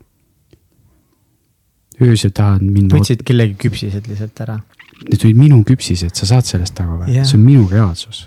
see on, see on nagu nii huvitav, nagu ma olen nii, ma olen tahtnud kellegagi sellest nagu rääkida ja ma kasutan seda võimalust praegu siin, et. me inimestena kogeme hästi palju asju. ma nüüd, ma proovin nagu kuidagi loogiliselt seda seletada, mida ma tunnen ja mida ma tahan sinuga põrgatada me kogeme igast asju, me õpime, sa olid seal metsas, on ju, sul tekivad mingid mõtted sul tekivad mingid mõtted seal metsas mediteerides, et võiks midagi teha niimoodi, sa ütlesid, et sa said, laadisid alla sealt praktikaid, mida mina kuulen, see, et sa mõtlesid välja mingit praktikat, sa mõtlesid välja, et sa istusid seal, hingasid. ja nüüd sul oli aega mõelda ja sa mõtlesid mingeid asju välja. ja hästi paljud inimesed, kes meil nüüd tegevad selle vaimsusega rohkem ja on, on mingis sügavamas kontaktis iseendaga. näevad hästi palju nagu või annavad väga paljudele asjadele tähendusi mm. -hmm. et me anname nagu kõigele tähenduse ja, ja vahepeal mul on tunne, et, et kas, kas sa ei tunne, et sa annad nagu liiga palju asjadele lihtsalt tähendusi, et mõned asjad võib-olla lihtsalt juhtuvad, ma praegu, ma ei ütle, et see on hea või halb, ma nagu proovin hästi neutraalse nurga alt et asjad lihtsalt meie elus juhtuvad mm. -hmm. ja need juhtuvad mõnes mõttes nagu kõikidega, aga, aga mõned inimesed ei saa teistest inimestest aru, sest kui me võtame noh, kõige halvemas või paremas mõttes klassikalise eestlase. siis ta ei saa aru, millest sa räägid, aga tegelikult tema võib ju sama asju kogeda, ta võib samamoodi istuda ja mõelda mõnikord kodus diivani peal, mõelda midagi välja. aga sina lihtsalt annad kõigele kuidagi hoopis teistsuguse tähenduse ja vahepeal ma just mõtlen, et kurat, et kas kõigele peab andma mingi tähenduse või. et kas see mõte peab olema kanaldus või tegelikult see oli lihtsalt mõte, kas emake loodus tõi sulle vee. Või lihtsalt tegelikult mingi vend tuli uksest välja, kellel oli vett ja sa said juua ja võib-olla sa jõudsid ainult ühe korra mm. -hmm. kas see oli tegelikult ema loodus või see lihtsalt juhtus mm? -hmm. ja vaata, siin ongi see, et, et nii sinul kui minul on õigus mm. -hmm. ja see ongi selle reaalsuse ilu et nii vastavalt, nii nagu Jeesus ütles, vastavalt teile usu, teie usule teile antakse et kui on mees, kes usub, et need asjad on juhused ja nii käibki ja see kõik on üks juhuste blender ja me siin sattume kokku täiesti suvalisel viisil, on ju. siis tal on õigus ja sul, Mihkel, on õigus ja mul on ka õigus. ja sellel tüdrukul oli õigus, kes sai selle sõnumi, et ta peab Eestisse tulema ühe tüübi ära päästma. sest mind ei oleks võib-olla siin stuudios, kui me arvaks, et ta mõtles selle välja. ta oleks mõelnud, ah oh, ma mõtlesin selle lihtsalt välja ja ta oleks seda ignoreerinud ja jätnud tulemata sest et kui minul läks see kanal lahti ja ma hakkasin mingisuguseid asju, näed, ma ütlen jälle alla, alla kanaldama, on ju. kui need, kui see info hakkas läbi minu voolama, siis ma sain aru, et minu väike äbarik mõistus ei ole võimeline selliseid asju isegi välja mõtlema mitte ma ei, ma ei saa võtta seda au enda pealt, mina mõtlesin selle välja, see kõik on minu väljamõtlemise tulemus. see on, see on midagi sellist, mis on meist palju kõrgem. See on meist nii palju suurem, et mina olen ainult see, ütleme see, see pliiats kellegi käes, kes neid asju lõpuks kirja paneb. ma tean ka väljamõtlemise kunsti ja ma olen, mul on mingi kolmkümmend kuus leiutist, mis ootavad patenteerimist, ma lihtsalt ei jaksa nendega tegeleda. et see on väljamõtlemine, et sa mõtled, mõtled, mõtled, aa, ma võin seda teha nii. aga mingi hetk, kui sul nagu välk selgest taevast tuleb, tee see asi ära siis see ei ole isegi mõte mitte. see on täpselt sama asi ju. see kvaliteet on erinev. sa saad aru, et see on hoomamatu, et sa ei saanud selle ise kaks pluss kaks välja mõelda praegu, siin hetkes. sest et meie mõistus suudab äh, vastu võtta infot, protsessida infot ja samadest vanadest pusledest uusi legosid kokku panna aga tal ei ole uusi legosid, mõistusel ei ole uusi legosid võtta, ta ei, ta ei loo mingit 3D-d lambist seda saab teha, tehes tööd, on ju nii, nii aju, mõtle nüüd, kuidas panna need kaks puslet kokku nii, et ma saaksin hoopis sellise tulemuse. niimoodi sa saad seda teha, aga kui sul korraga tuleb selge visioon, et vaata. Ja seda ei ole ennem keegi loonud, seda, sa ei ole seda kuskil näinud või sa ei ole sellest nagu mõelnud. siis see nagu kvaliteedi poolest sa juba näed, et see on nagu midagi enamat kui lihtsalt sinu projektsioon, et sa mõtlesid selle välja, et sa võtad selle au endale, et, mina, mina, mina ja kust sinu arvates see tuleb siis? ühisväljast. see on jälle see väli. see on ühisväli, mis äh, juhib äh, kogu seda loodust, juhib kõike, kogu seda tasakaalu. See, seesama väli, mis paneb äh, rohulibled kasvama, mis paneb tuule puhuma, mis paneb päikese soojuse nii parajaks, et vili hakkab tärkama. see kõik on ülimas tasakaalus ja meie küll me üritame seda tasakaalust välja viia, küll me pingutame selle nimel, et tõestada, et jah, me oleme nii suur looduse kroon, et me suudame kõik selle tasakaalu hävitada. me teeme selleks kõik maksimaalselt, aga see ikka toimib. see ikka töötab vast-, isegi vaatamata meie pingutustele seda süsteemi hävitada. mõistad? ei ja jaa et kõike ei mõista, mõnda mõistan ja, ja samas selle asjadele tähenduse andmisega see on hea ka tihtipeale nagu Kats Egertit kõrvalt vaadates ka nagu. ma olen mõnes mõttes mingeid asju nagu õppinud mm ma ei oska nüüd ühtegi näidet praegu hetkel tuua, aga, aga mingi hetk see aitab meil elus hakkama saada, see aitab tegelikult leidagi tähendust. kui me anname asjadele mingi teatud tähenduse, kui me proovime uskuda, et mingid asjad juhtuvad põhjusega, kui me ütleme nagu seda, et. noh, see on lihtne asi, et noh, väga lihtne näide, et ju nii ei pidanud minema või ju midagi paremat on tulemas, on ju, et noh, Kats on mulle väga palju õpetanud seda, et. Mihkel, ei pidanud juhtuma, Mihkel, midagi uut on paremast tulemas, me oleme rääkinud seda ka Ilus. festivali saates, eks ole, et kui keegi nagu ütles, et ta täna ei tule, siis kats nagu rahuneb maha, vaatab Mihkel, midagi paremat on meile tulemas. et ühtepidi nagu see vahepeal, see jääb nagu veits kettasse ka, et sa ei saa anda kõigele nagu tähendusega, teistpidi ma nagu näen, et see on lihtsalt minu silmis üks väga hea tööriist või mehhanism, kuidas eluga paremini mm -hmm. hakkama saada, kuidas alistuda. jälle see alistumine on justkui nagu ka sellest mingist vaimsest sõnaraamatust pärit sõna, eks ole. aga, aga tegelikult sa nagu annad selle mingi teatud võimlemisega alla sest sa ei saa nagu midagi muuta, ma nüüd lepin ja siis sa teed edasi lihtsalt parima, mis sa suudad, et sellel kõigel on nagu koht, aga. selles ujuda nagu on vahepeal nii raske, aga nüüd ma hakkan nagu kuulma, et tegelikult kõik tüübid räägivad samast asjast aga lihtsalt nagu ühe, ühe nagu sõnavara on vahepeal nagu ülipalju värvilisem. ja siis mhm. tegelikult vahepeal ma saan aru, et kurat, nad ei räägi ikka kõik samast asjast mm. -hmm. no seal on vaata ka neid fake, fake vaimsust ka palju sees ja, ja new age'i ja, ja ja sellist ähm, spirituaalset ego ja eks seal on ka omad lõksud loomulikult, et see ei ole kõik puhas kuld. nii kui inimene istub seal ja, ja maalib tšakraid, et siis ta on juba seal, on ju, et see tihtipeale noh, me kõik oleme unikaalsed ja igaüks, igalühel on see teekond eh, omasugune. Ja mulle meeldib see sinu suhtumine, et sa lubad sellel olla, sa lubad olla nendel erinevatel ähm, nii-öelda uskumustel, eks ole, erinevad süsteemid, sest uskumus lööb, loob süsteemi. ja kui inimest see süsteem toetab, kus ei ole destruktiivne, siis jumala eest, kui see toimib, siis anna tuld, sest sul on õigus. kunagi üks tüdruk saatis mulle äh, sellise kirja, võt-, võttis välja mingisuguses, mingi Õhtulehes, issand jumal, ma olen nii halb inimene, mul on nii halb see horoskoop, on ju. ma loen ette, vaatan, tõesti õudne võtsin selle lingi lahti, vaatan kõik need horoskoobid läbi, kõik olid negatiivsed ja halvad. saatsin ta tagasi, ütlesin, aga sa vaatad valest kohast, näed, nad on kõik õudsad ju. noh, kui see sind programmeerib, siis mis sinu elust saab? sina pane, sinu vastutus kokkuvõttes, sinu otsus on see, mida sa usud ja mida sa lood. sul on see võime antud. siis sul on ka võimalus valida allikad, kust sa seda infot vastu võtad on ju nii mm? -hmm. on küll. jah, sul on õigus uskuda ja mitte uskuda, sul on õigus teha omad järeldused, öelda, et okei okay,, see, mis Igor rääkis, ei ole päris mulle, aga mulle meeldis vot see mõte, et sellega ma mängin natukene edasi ja võib-olla, kes teab, üks päev ma proovin ka niimoodi teha mm. -hmm. mina jagan ainult oma kogemust ja ma ütlesin juba, et ma ei soovita kõigil minna puu alla mediteerima, see ei ole, see ei ole kõige lihtsam valik võib-olla mõnele see sobib, aga see ei ole minu üleskutse, et lähme nüüd kõik jätame töökohad maha ja lähme kõik kuradi Taisse koopasse elama. no, on palju, palju mugavamaid viise enda nii-öelda teadvuse kasvatamiseks ja, ja enda äratamiseks. ja ma pakun neid, ma teen laagreid. ja, ja mine Igori surmalaagrisse ja pea Tais olema kaks kuud džunglis. või, või tule tantra festivalile on ju, ma näitan sulle seda maailma, ma näitan sulle oma maailma. ja see võib-olla halvimal juhul lihtsalt inspireerib sind natukene.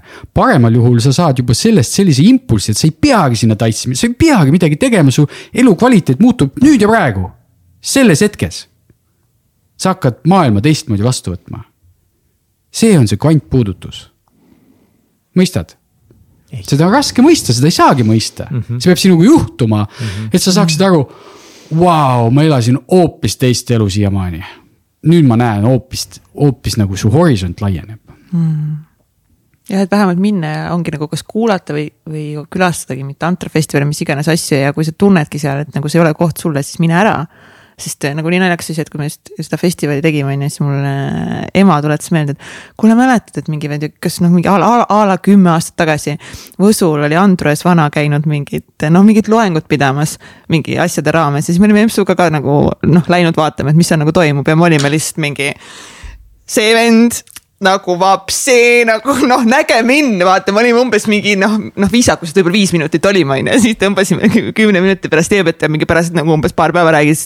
nagu noh, noh see vend on mingi nagu full on uga-puga ja nüüd täna on nagu lihtsalt mingi Andres Vana nagu üks nagu inimesi, kellega ma täiega resoneerun onju ja, ja kutsuda festivalile esinema, et nagu ongi, sest tol hetkel see ei olnudki nagu minu jaoks onju, aga ta juba näitas ka ennast, nagu see on nagu nii lahe.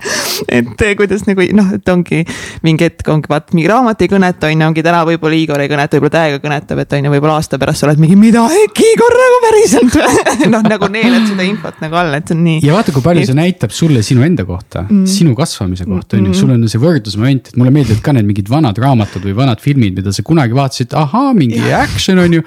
ja nüüd vaatad so deep shit nagu mida värki on ju, on sul mõni sihuke film, mõni näide selline?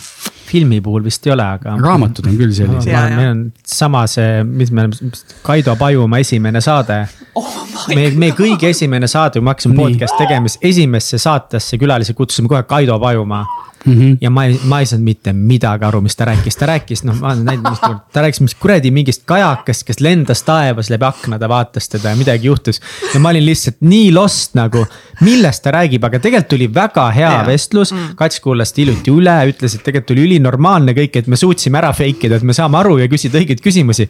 ma ei saanud mitte midagi aru ja nüüd, kui Kaido Pajumaa käis meil siin mingi kümme episoodi tagasi või kuna see oli, siis. lihtsalt üks lemmiksaateid mul. päriselt jah mm? -hmm. et kui palju see on sind mõjutanud, kasvõi seesama saade ja,? jah, jah ja., väga palju mõjutanud, aga ja mulle meeldib sinu julgus nagu vastu vaielda ja meeldib see, et sa, sa, sa jääd endale nagu kindlaks, see näitab sinu, sinu seda sisemist äh, nagu seda vaia, seda, seda keset, sa suudad oma keskmesse jääda ja sa oled kriitiline.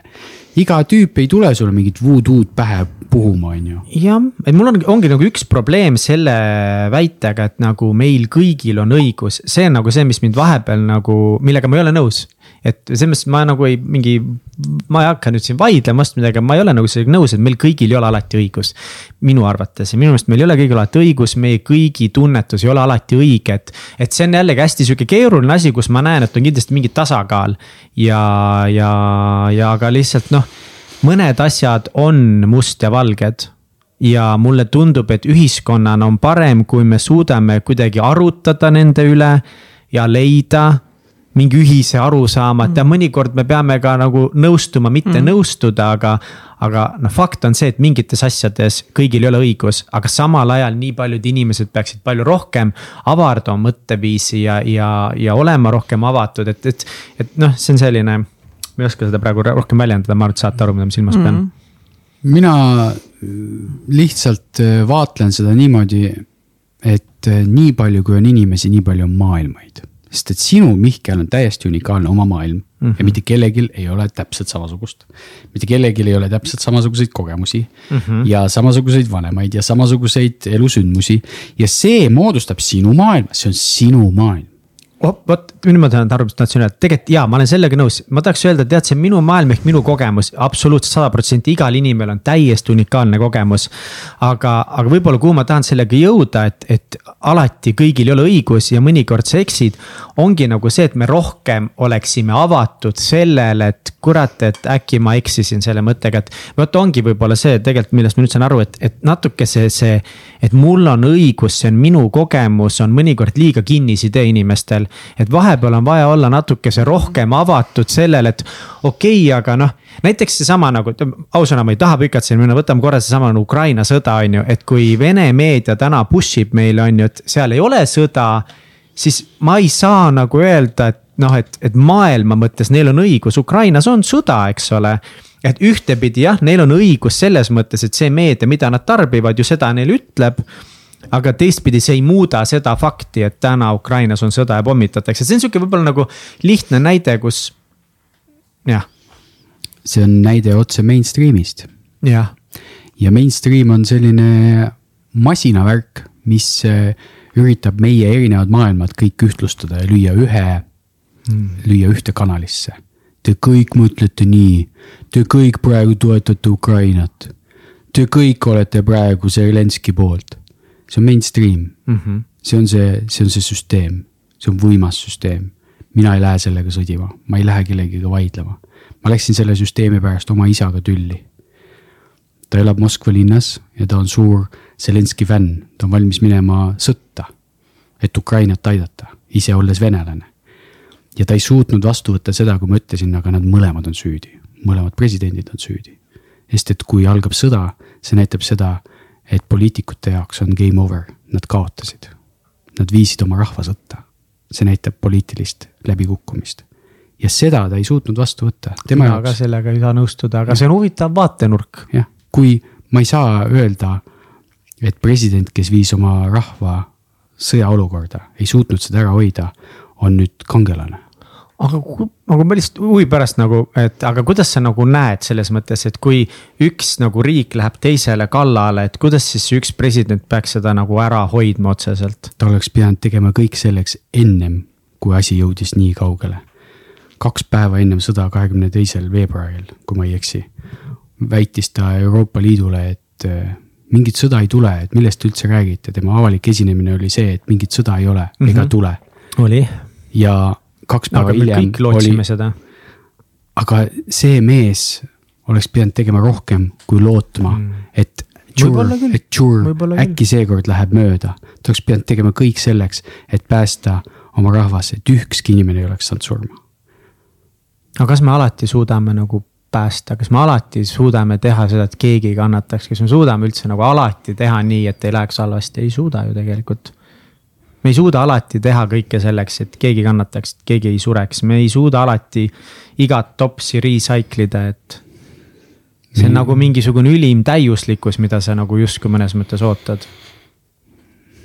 ülim täiuslikkus on äh, ego teekond, see ei ole jälle see mm., see ei ole see, et me üritame täiuslikkust saavutada, pigem me peame leppima oma inimlikkusega. koos oma vigadega, koos oma ebatäiuslikkusega, me peame selle vastu võtma, me peame vastu võtma ennast sellistena, nagu me oleme mitte püüdma kogu aeg ideaalide poole, millisteks on vaja pürgida. milline on see kuvand, mida mainstream meile loob või, või missugune peab olema see ideaalne ühiskond, kus me peame elama.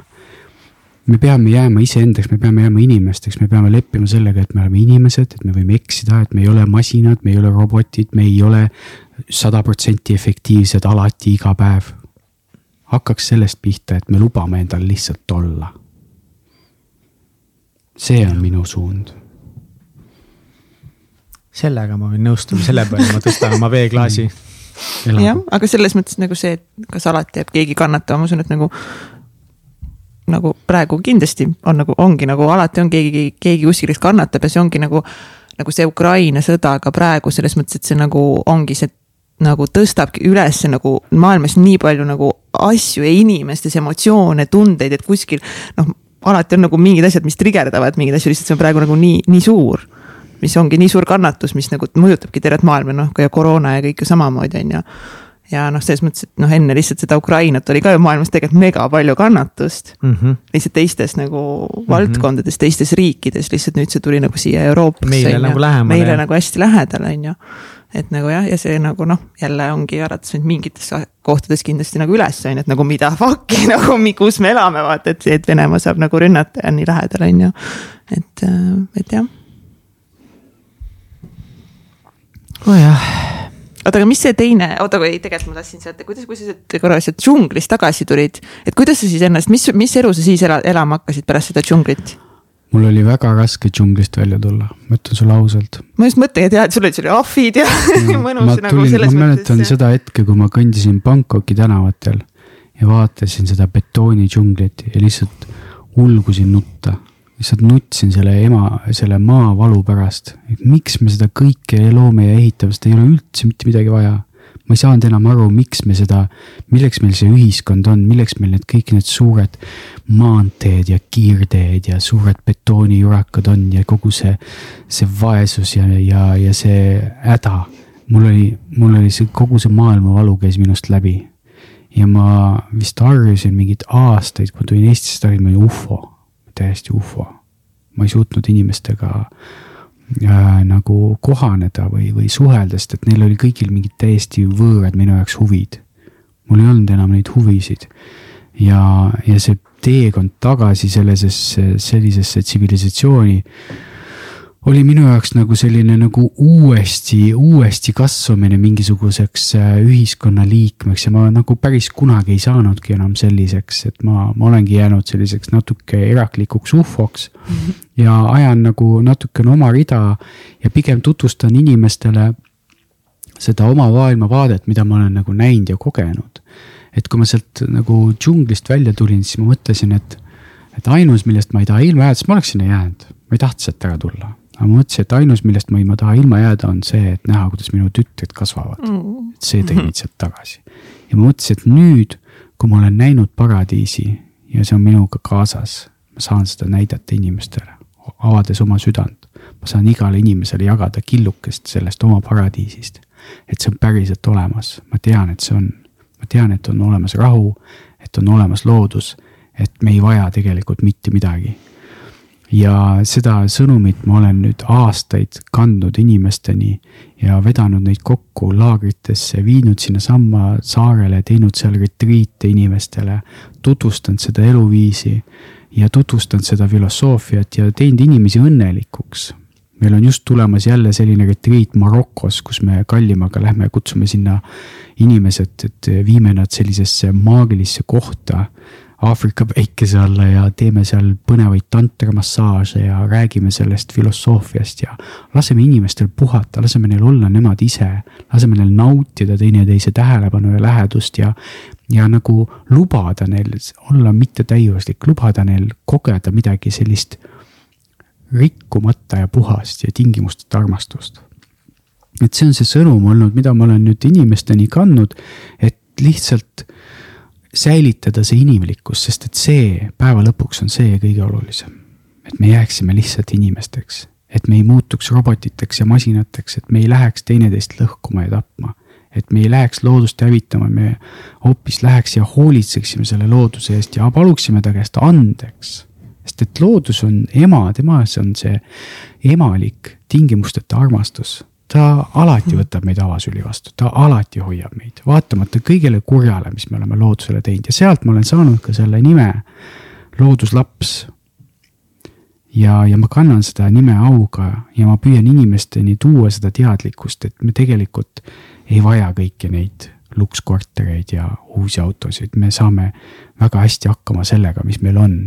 oluline on leida see õnnetunne enda sees üles, sest et see ei tule kunagi väljastpoolt õnnetunne tuleb ainult sinu enese seest. ja kui sa saad sellega ühenduse, siis sa oled võitmatu. sest et siis ei saa sind enam ära osta.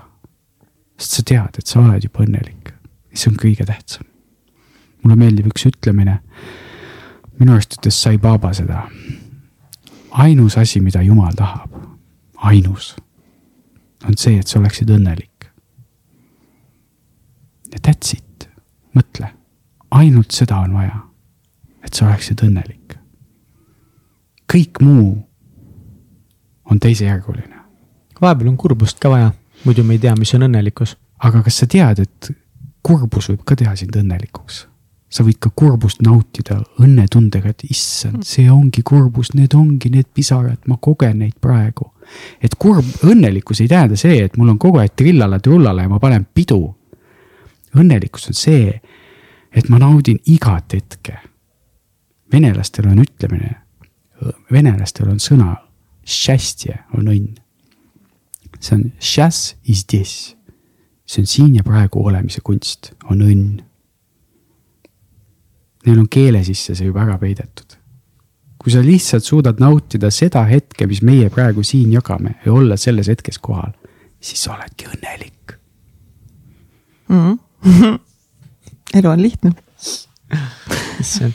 mis, eh, kuidas, eh, millist elu sa selles mõttes nagu täna äh, elad, et meil no, õnnestus kohtuda sinu kaasa Bellaga ka shout out Bellale äh,, kes on tõsine, issand, nii armas inglikene täiega kutsume ju meile ka siia saatesse kindlasti enda lugu jagama, et kuidas, kuidas täna teie elu on, kas te olete nagu üksteisel, kas te olete monogaamses suhtes või kuidas, mis, mis te täna teed või mis sina täna teed?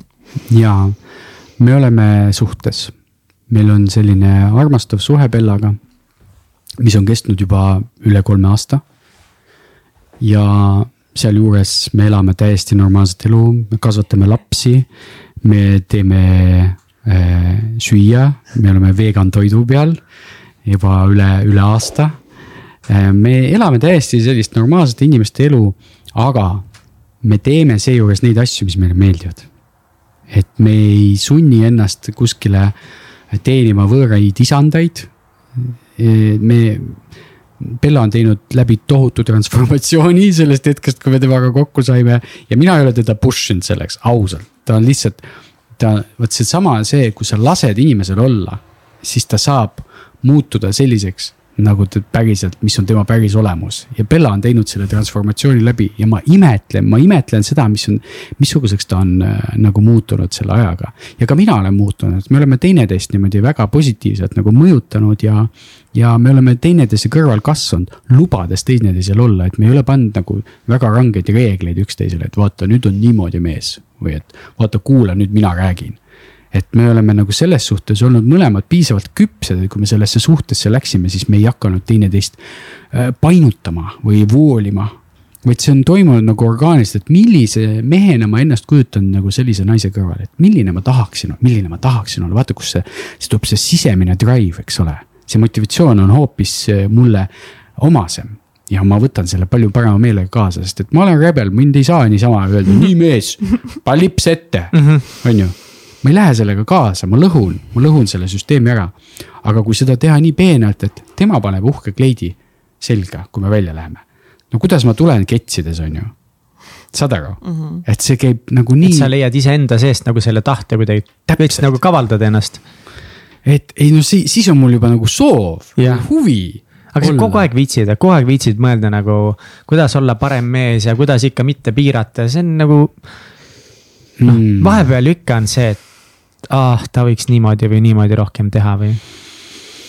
tead, minul on saanud see nagu selliseks elustiiliks, kuna, kuna ma teen ise meestele coach imist ja kuna ma teen online kool- koolitusi meestele, mis on suunatud otseselt enesearengule, kus ma kogu aeg annan meestele tööriistasid, siis ma neid tööriistasid pean enda peal kogu aeg katsetama, et see on minu elustiil. mul on päevas on äh, äh, üksteist rituaali, mida ma teen Uh. nagu rangelt. tõtt-tõtt-tõtt-tõtt. no loe aga ette, kui sa juba siin oled, ja let's go. let's go. ähm,. hommikul ma alati puhastan keelt, kraabin keele puhtaks, sest et see on seedeelundkonna puhastamise süsteem. meie seedimine toob kõik sellised mürgid, mida on vaja kehast välja saada, toob keele peale. kraabid selle maha, sul on tervis korras, sul on seedimine korras, lihtne nipp. ma pesen silmi külma veega, et hoida silmanägemist tervena esimese asjana ma võtan külma vett, nii jääkülma kui võimalik ja pesen sellega avatud silmi. niimoodi peopesad panen vett täis ja loputan seal silmi. et, et silmanägemine oleks terve, see on minu rituaal. ma joon vett hommikuti, mis on, kus on sees pool sidrunit ja sidrunimahla ja soodat. segan sihukese limonaadi kokku, see läheb vahule, siis ma joon selle sisse. see teeb mu keha aluseliseks mis äh, takistab vähirakkudel kasvamist, see on puhas vähiprofülaktika. pluss see peseb seedeelundkonna ära, et kunagi ei teki sinna mingisuguseid jääke. ta absorbeerib, ta tõmbab kõik soolte küljest lahti, kõik rasvad ja kõik mingisugused asjad. et mul on seedimine puhas, siis ma äh, vetsus käies ma pesen aanust jääkülma veega, et treenida oma pissilihast. see on üks seksuaalsuse treeningu osa, mida ma õpetan meestele oma meestekursusel, parim armastaja. kuidas sa teed seda? pideega, aa, sul on pidee kodus või? igas nice. kodus ja see on nagu must, ma ei kasuta vetsupaberit juba mm. -hmm. neli-viis aastat. pidee on see aga sul tuleb sealt siis nii külma vett siis või, või sa ütlesid külma veega seal ei pidanud olema külma? vähemalt korra päevas ma teen seda täiesti külma veega. nii külm kui võimalik oota, aga miks, mis see siis teeb? see treenib seda pissilihast. see on, külm vesi on üks key element minu, minu äh, rituaalides ja, ja treeningkavas. sellel on omad põhjused, millest ma räägin pikemalt selles meestekursuses. siis ma iga kord äh, tänan toitu, mul on äh, toidu tänupalve. selle, see on vene keeles, millegipärast ta on vene keeles, mul ei ole eestikeelset, nii nagu ma ta alla laadisin, nii ta on. siis mul on iga kord, kui ma õue lähen, esimene kord, kui ma lähen õue, astun maha, ma esimese asjana tervitan päikest, taevaisa ja tervitan maaema. Need on minu vanemad, kes minu eest iga päev hoolitsevad. Need on minu päris vanemad, ülejäänud vanemaid mul ei ole. Need on need, kellega ma suhtlen. edasi äh,, õhtul mul on kindlasti külm dušš, mida ma olen teinud ka juba vist kaheksa aastat iga päev. ja see on nagu asi, mis hoiab minu kehakaalu, hoiab minu seedimist, hoiab minu nahka tervena, seal on nii palju boonuseid sellel. ja ma teen seda mugavalt, et ma kõigepealt võtan kuuma duši, siis mul hakkab palav ja siis ma võtan kohe külma peale ja jahutan ennast maha ja siis ma võin jälle sooja veega ennast näiteks ja siis võib veel ükskord külma võtta. ja niimoodi mängides ma ei lähe sinna nagu sihuke suffering on ju, et ma ei lähe sinna kannatama, vaid ma teen seda mõnuga. eks ole.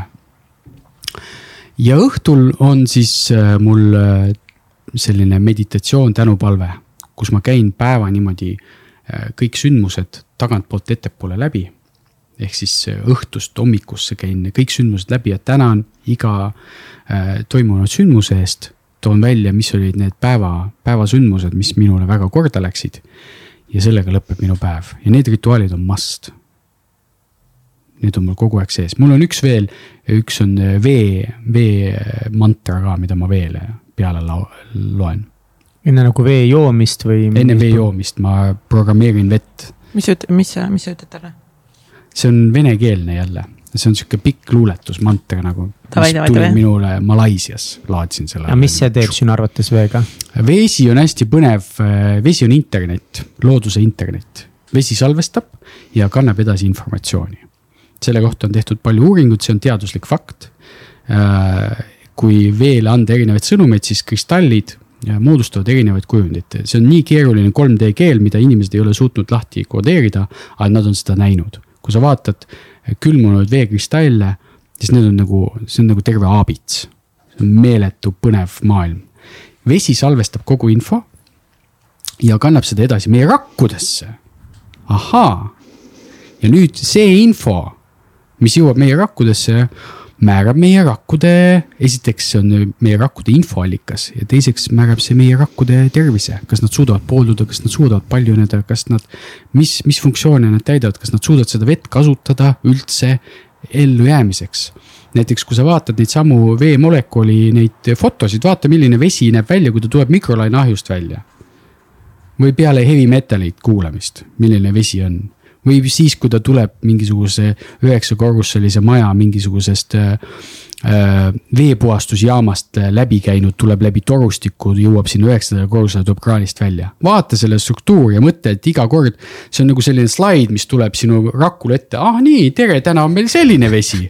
no mis me sellega küll nüüd peale hakkame, eks ole selle kohta tahaks küll rohkem lugeda, kõlab väga põnevalt. see on nii põnev põnev maailm ja venelased on seda teemat hästi palju uurinud ja sealt ma olen saanud enamuse sellest infot, aga mm, ja kõige, mm, kõige tuntum on üks Jaapani teadlane, kes tegi neid äh, pilte. mingi Yakamoto või mul ei tule tema nimi praegu meelde ja tema need kollektsioonid, seal on kõik need erinevad sõnumid, sellise kolbi peal on kirjutatud I love you, pandud sinna vesi sisse tuleb sihuke pilt. järgmisel pandud sama kolb pandud kiri I hate you, tuleb selline pilt. ja siis sa võrdled neid. väga põnev. uuri, selle kohta on tonnide viisi infot ja meie nüüd, olles need loojad, suudame sedasama infot veele programmeerida peale. ma annan sulle ühe veel hästi olulise detaili, mida sa saad, eh, kui sa nagu seda teemat uurid, kuidas vett, kuidas veeinfo ära nullida format C on ka olemas internetil, loodusinternetil. mis sa arvad, mis see on? Pole õrna aimugi. vesi ära jäätada. kui vesi jäätub ära ja sa sulatad selle üles, siis ta on nagu nullidega üle kirjutatud format C. ta on infost tühi ja sinna peale kirjutada sõnumeid. miks tehakse neid veekolbe, kus on mingid elulilled on põhjas või mingisugused afirmatsioonid, see on kõik selleks, et laadida vett positiivsete sõnumitega. ja see sõnum jõuab su raku tasandil, jõuab sinu keharakkudeni ja nemad saavad sellest. see on nendega suhtlemiseks ja mina suhtlen veega, pannes talle mingid programmid peale, et see rakkudele oleks öö, omastatav ja kasulik info kõigepealt peaks siis selle vee ära külmutama ja siis ümber programmeerima või? ma tegin Californias, kui ma elasin seal mingi kolm kuud ja see oli kohutav vesi ja ainus vesi, mida seal üldse kuidagi juua võis, oli pudelivesi, aga pudelivesi on jälle kohutav vesi, on ju. siis mul oli niimoodi, ma pildusin kõik need veepudelid alati sügavkülma ja siis sealt võtsin välja ja sulatasin ja programmeerisin ümber ja siis ma sain juua seda. aga no, Eestis, mis vett sa, mis vett sa jood siis allikavett? jaa, Eestis ma käin allikal seal Türisalu panga taga ja toon sealt, vean niimoodi nelikümmend kanistrit on mul auto peal ja toon omale vett sealt, sest et Tallinna vesi on kohutav, kraanivett ei saa juua, see on lihtsalt. ma, ma nuusutan seda nagu basseinis, nagu basseini vesi. nagu kogu aeg allikavett jooks võib-olla küll, sest mina joon seda kraanivett ja tundub mina, nagu mina, nii hea ja Jesus. puhas ja, ja mõnus. mina, mina olen ka joonud, aga nagu ma. ma ei no, tunne üldse, et midagi nagu, häda no, oleks sellel. mingi aeg ma juba nagu lihtsalt ütlen ka nagu valase, veele asju. valase potti sega, võta puhas pott, vala Tallinna vett äh, sinna poti sisse, sega lusikaga ja samal nuusuta. mul tuleb kohe kuradi Kalev spa silme ette, noh. täiesti. täitsa lõpp. nii on, noh sisse ma seda juua ei saa. ma vaatan oma vannituba, see on täiesti niimoodi, kogu aeg on ta seda katlakivi täis, see on nagu kohutav. ja seda on nagu näha küll jah, kui palju seda katlakivi tuleb. see on kõik sinu sees see kõik on sinu sees, miks ma joon seda? ma ütlen oma kehale, et you can handle it nagu lahenda ära, lahenda no, ära see probleem. sinu eas ongi see väga lihtne, sa saadki seda teha. aga sa, kui sa vaatad äh, näiteks veekeedukannu mm., mis on kümme aastat seda vett keetnud. jah, ja kuidagi üldse nagu ei pöö-, vaatad küll seda kannu ja ongi nagu a la mingi vannituba on ju ja siis see pöör-, nagu see nagu mõtledki, et see on nagu mingi rõve on ju ja see on, no pole okei okay,, aga siis sa kuidagi ei suuda seda nagu mõtet viia selleni, et aga see on ju see vesi, mida ma nagu sisse joon, vaata. Exactly nagu mingi what the hell mm. -hmm. ja ma ei tea, mis nad sellega teevad, see läheb iga korraga, sest et ma elan palju Helsingis ja siis, kui ma tagasi tulen, jälle on hullem nagu jesus, mida te panete. ette, saad kogu aeg vaata eemal nagu Andri. Andri Peetso mm. äh, on ju megalt äh, teinud uuringuid Eesti äh, Tallinna vee kohta, tohutuid teadusuuringuid äh,. ta ju rääkis sellest ka ja ta oli ju hullult ametnikega äh,, noh, ta ju, ta pani hullu. ja tal on artiklid ja asjad äh, olemas äh, selle Tallinna vee, et milline see vesi on mul praegu ja tuli kõik see uuesti, kui Andri rääkis sellest ja, ja, ja, ja, ja, ja. sest vee, vesi mm. ja õhk on need key factors, key elemendid, mis hoiavad meie nagu tervise balanssi. ma just mõtlen, et huvitav, kui palju see nagu reaalselt mõjutab selles mõttes, et, et nagu noh näha on, et inimesed joovad igapäevaselt massiliselt seda vett ja kui nad mingit muud vett jooksid, et kas see on nüüd see, mis nagu päästab meid või see nagu annab viis protsenti juurde, annab see ühe protsendi juurde. annab see üheksakümmend protsenti juurde, et ma nagu joon seda vett, ma olen terve elu joonud kraanivett ja ikkagi tunnen, et mu elukvaliteet praegu nagu läheb ainult paremaks, mitte halvemaks aga samas see näiteks see kraanivesi paneb sul, vot me rääkisime kuuendast meelest ja sul ei ole ligipääsu näiteks oma käbinäärmele, mis on mis peamine. See on üks elund, mis on sinu pea keskel, mis on see nii-öelda sakraalnääre, äh, mis, mida nimetatakse ka kolmandaks silmaks. ja näiteks seesama fluor, mida lisatakse vette või hambapastasse, kaltsifitseerib sedasama nääret see muutub väikseks, see läheb siukseks pisemaks nagu rosin, siis ta nagu läheb siukseks kõvaks, et ta enam ei, see on, sealt tuleb äh, DMT ainet sinu kehasse, mida iga kord süstitakse, kui sa jääd magama näiteks, tulevad unenäod. tänu sellele ainele tulevad unenäod, ehk see on seesama, see, see, see värviline maailm, mida sa ise lood, tuleb peamiselt tänu sellele näärmele. ja meie vesi on tehtud juba selline, et seda äh, suppress ida sedasama nääret. ehk et sinu kuues meel ei saa areneda aastatega, kui sa jood seda kraanivett hm huvitav see vee, vee teema nagu see on seepärast, ega Andri ilmaasjata ei rääkinud sellest puhastusmasinast, vaata see biohäkkerite nagu põhiteema on see vesi. joovad puhast vett jah mm. -hmm. kui palju inimesed üldse joovad lihtsalt nagu jah. No, no, juba, see on juba see, et inimesed joovad nii-öelda liiga vähe vett on ju, kindlasti ma arvan, et puhta vee joomine on nagu parem, aga ma ei ole nagu, ma ei ole veel täiesti sada protsenti veendunud, et see kraanivesi nagu noh, nii ohtlik. loe, loe neid Andri aga... neid eh, teadus või neid uuringuid, mis ta. aga see on ühe teadlase see on ainult ühe sul... teadlase seisunnurk. aga äkki ei ole, või selles mõttes nagu vaatad, loed ja, ja, ja, et. ega ma olen nagu nõus kindlalt see kraanivesi, nagu see mingi megapuhas ei ole, no ma olen ka neid kuradi veetorusid ju seest näinud, aga no nüüd ongi küsimus see, et, et kui suurt efekti ja. nagu see tegelikult mängib, on ju.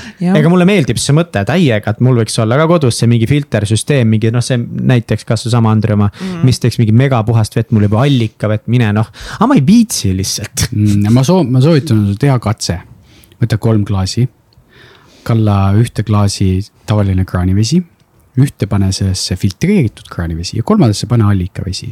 siis sega nii ära, et sa ei tea, kus, mis on, kirjutad võib-olla sinna põhja alla kuhugi, paned selle sildi ja võrdle ja kui ise sellest erinevusest aru ei saa, siis anna oma koduloomale, kassile või koerale, vaata, millised vee tema valib veel mm. -hmm. sest neil on see kompass veel terve. tugevam ja, ja, ja. võiks täitsa teha. seda võiks teha küll, ma arvan, ma, ma arvan küll, et ma tunneks allikavee ikka ära. see ikka noh, allikavett kuskil metsas, kui oled joonud, see on no, nii. ta on magus.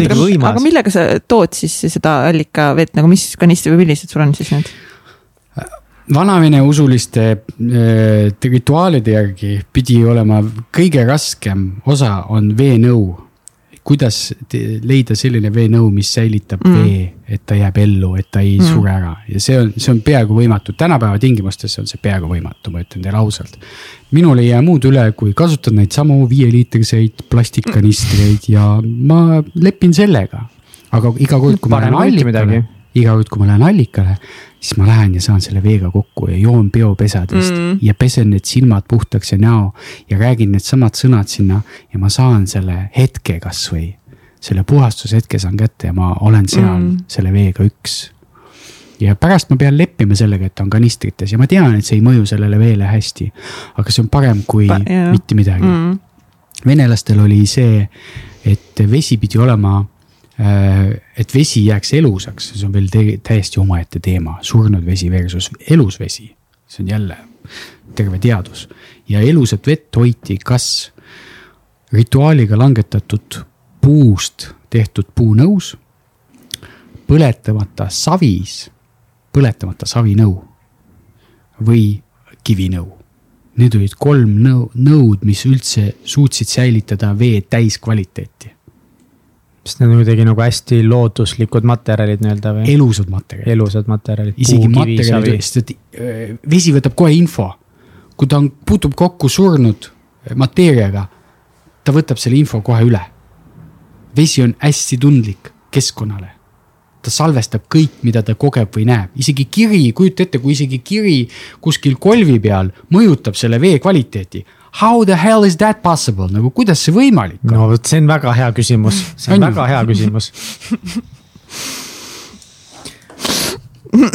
Kuule, davai, tähendab mitte davaiga, me täna lõpetame, aga aeg on küll tõesti juba sealmaal et.... nii põnev, nii põnevad. ja, ja tantrast üldse täna sinuga jõudnud rääkida veel kindlasti kunagi ühel hetkel tuleb ka see, mul on seal ka palju küsimusi, palju tahaks kogeda, palju kriitikat, kõike on, kõike on tantra kohta mm,. väga, väga, väga põnev aga teeme järgmine kord eh, siis võib-olla rohkem tantra võtmes järgmine kord teeme tantra võtmes. millest teha on veel palju siin no,. ja ei, väga põnev ja ei, kindlasti võiks teha siukse mm. pühenduse saate nagu ühe, ühe fookusteemaga.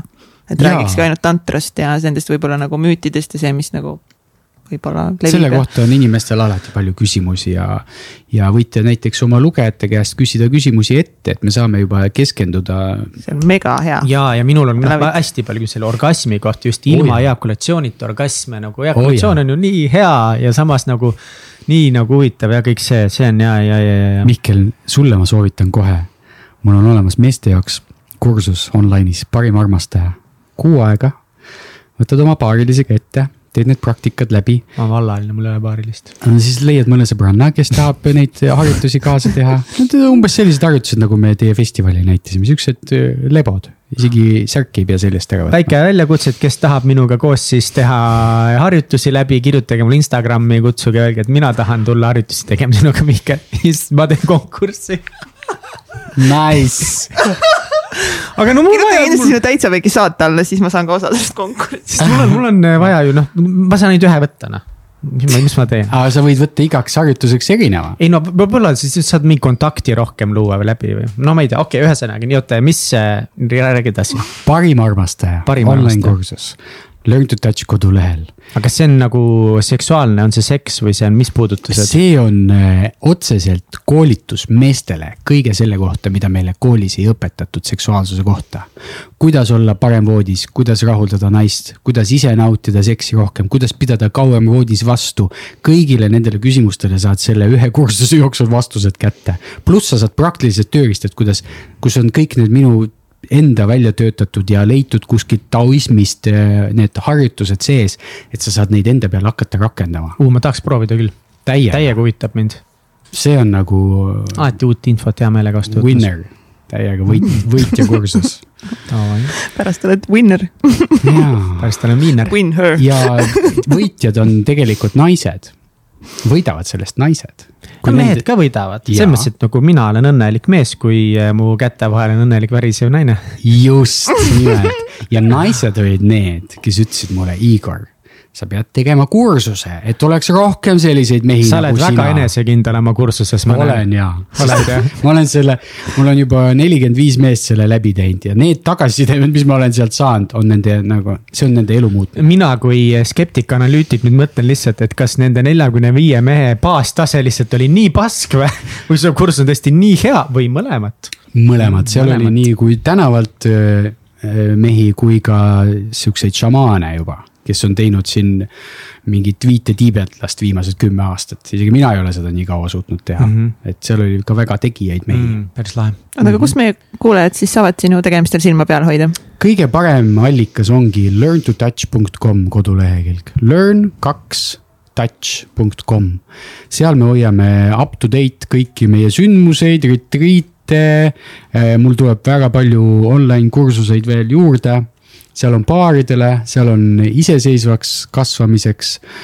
ja, ja seal on ka palju selliseid harjutusi, mida saab paned kodus suurest ekraanist jooksma ja paned kallimaga, teed kaasa, selle asemel, et Aktuaalset Kaamerat vaadata, teed diivani peal hoopis mingeid mõnusaid massaažiharjutusi meiega kaasa Learn to touch.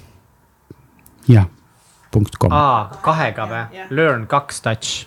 just. aa, vot, vot, vot, vot. Learn ma kaks vist ei kuulnud touch üldse seda. punkt com. sattusin, eksisin ära.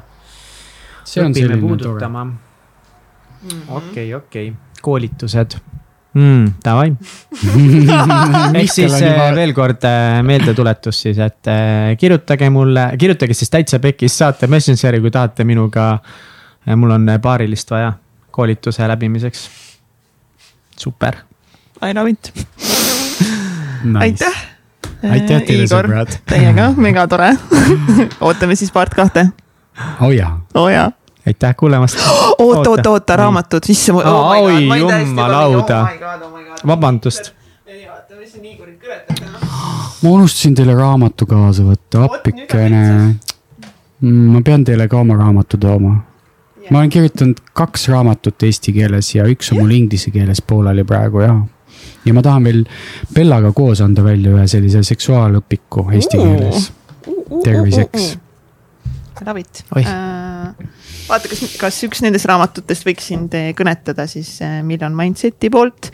üks on Hetkede jõud, miks mõnel kogemusel on ebatavaliselt suur mõju mm. -mm, hetkedest täna ka ju me siin palju rääkinud. hetkede jõud mm.. Maxwelli mõtteterad igaks päevaks, siin on siis kolmsada kuuskümmend viis soovitust endas juhi arendamiseks ja teiste mõjutamiseks. Maxwell ja siis on jutuvestja äh, saladus, miks mõni kütkestab ja teine mitte jutuvestja salad. see on nagu esinemisest või mm.? jah, nagu kuidas siis rääkida lugusid a la TED Talki, kuidas nagu mingit etteastet üles ehitada, midagi.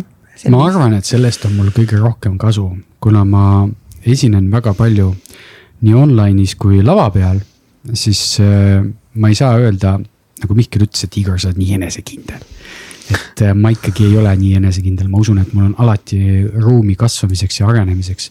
et olla inimestele näiteks äh, kasvõi arusaadavam, kui ma millestki räägin. et see jutt jõuaks kohale ja tänapäeval on ka väga keeruline hoida inimeste tähelepanu, et oh, et nad suudaksid sind ka päriselt kuulata lõpuni, et see iva kätte saada, et see et noh, see pealiskaudsus meie maailmas on nagu üks suur kurjajuur, nagu ka mugavus ja harjumus isegi, harjumus on isegi veel suurem. sellest me rääkisime sellel sinu, teie festivalil ka. et seetõttu ma usun, et kui inimesed võtavad rohkem aega ja seetõttu minu arvates ka podcast'i formaat on nagu hästi hea. et see kutsub kuulama ja viib sind nagu alati rännakule kaasa, et sa, seetõttu ma, ma hea meelega toetan Eh, selliste podcast'ide loomist ja, ja kuulan neid mõnuga ja, ja jätkan seda koostööd teiega, et ma usun sellesse formaati nagu väga palju ja täiesti, nagu, keegi ei pane meile piirangut ette, nagu kaua me võime Igoriga rääkida, nagu jõuame päriselt mingi nagu rääkida ära need teemad, et ei ole siin mingi niimoodi, et viisteist minutit ja siis peab olema nagu juba pointini jõutud, on ju. siis on juba reklaami aeg on ju. siis on juba reklaami aeg ja juba uued mõtted äh, peas.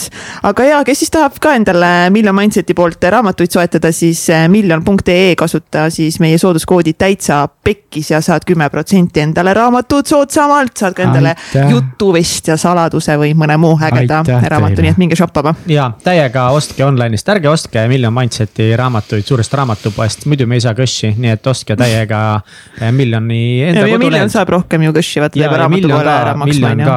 toetage täiega Miljonit, sest need rampsid on hullult head, mida nad äh, siis nii-öelda Eestisse toovad ja, ja tõlgivad väga,. väga-väga head, nii et täiega miljon.ee jah, täiega, aitäh, Igor, aitäh sulle, kes sa kuulasid ja näeme varsti. aitäh. kõike head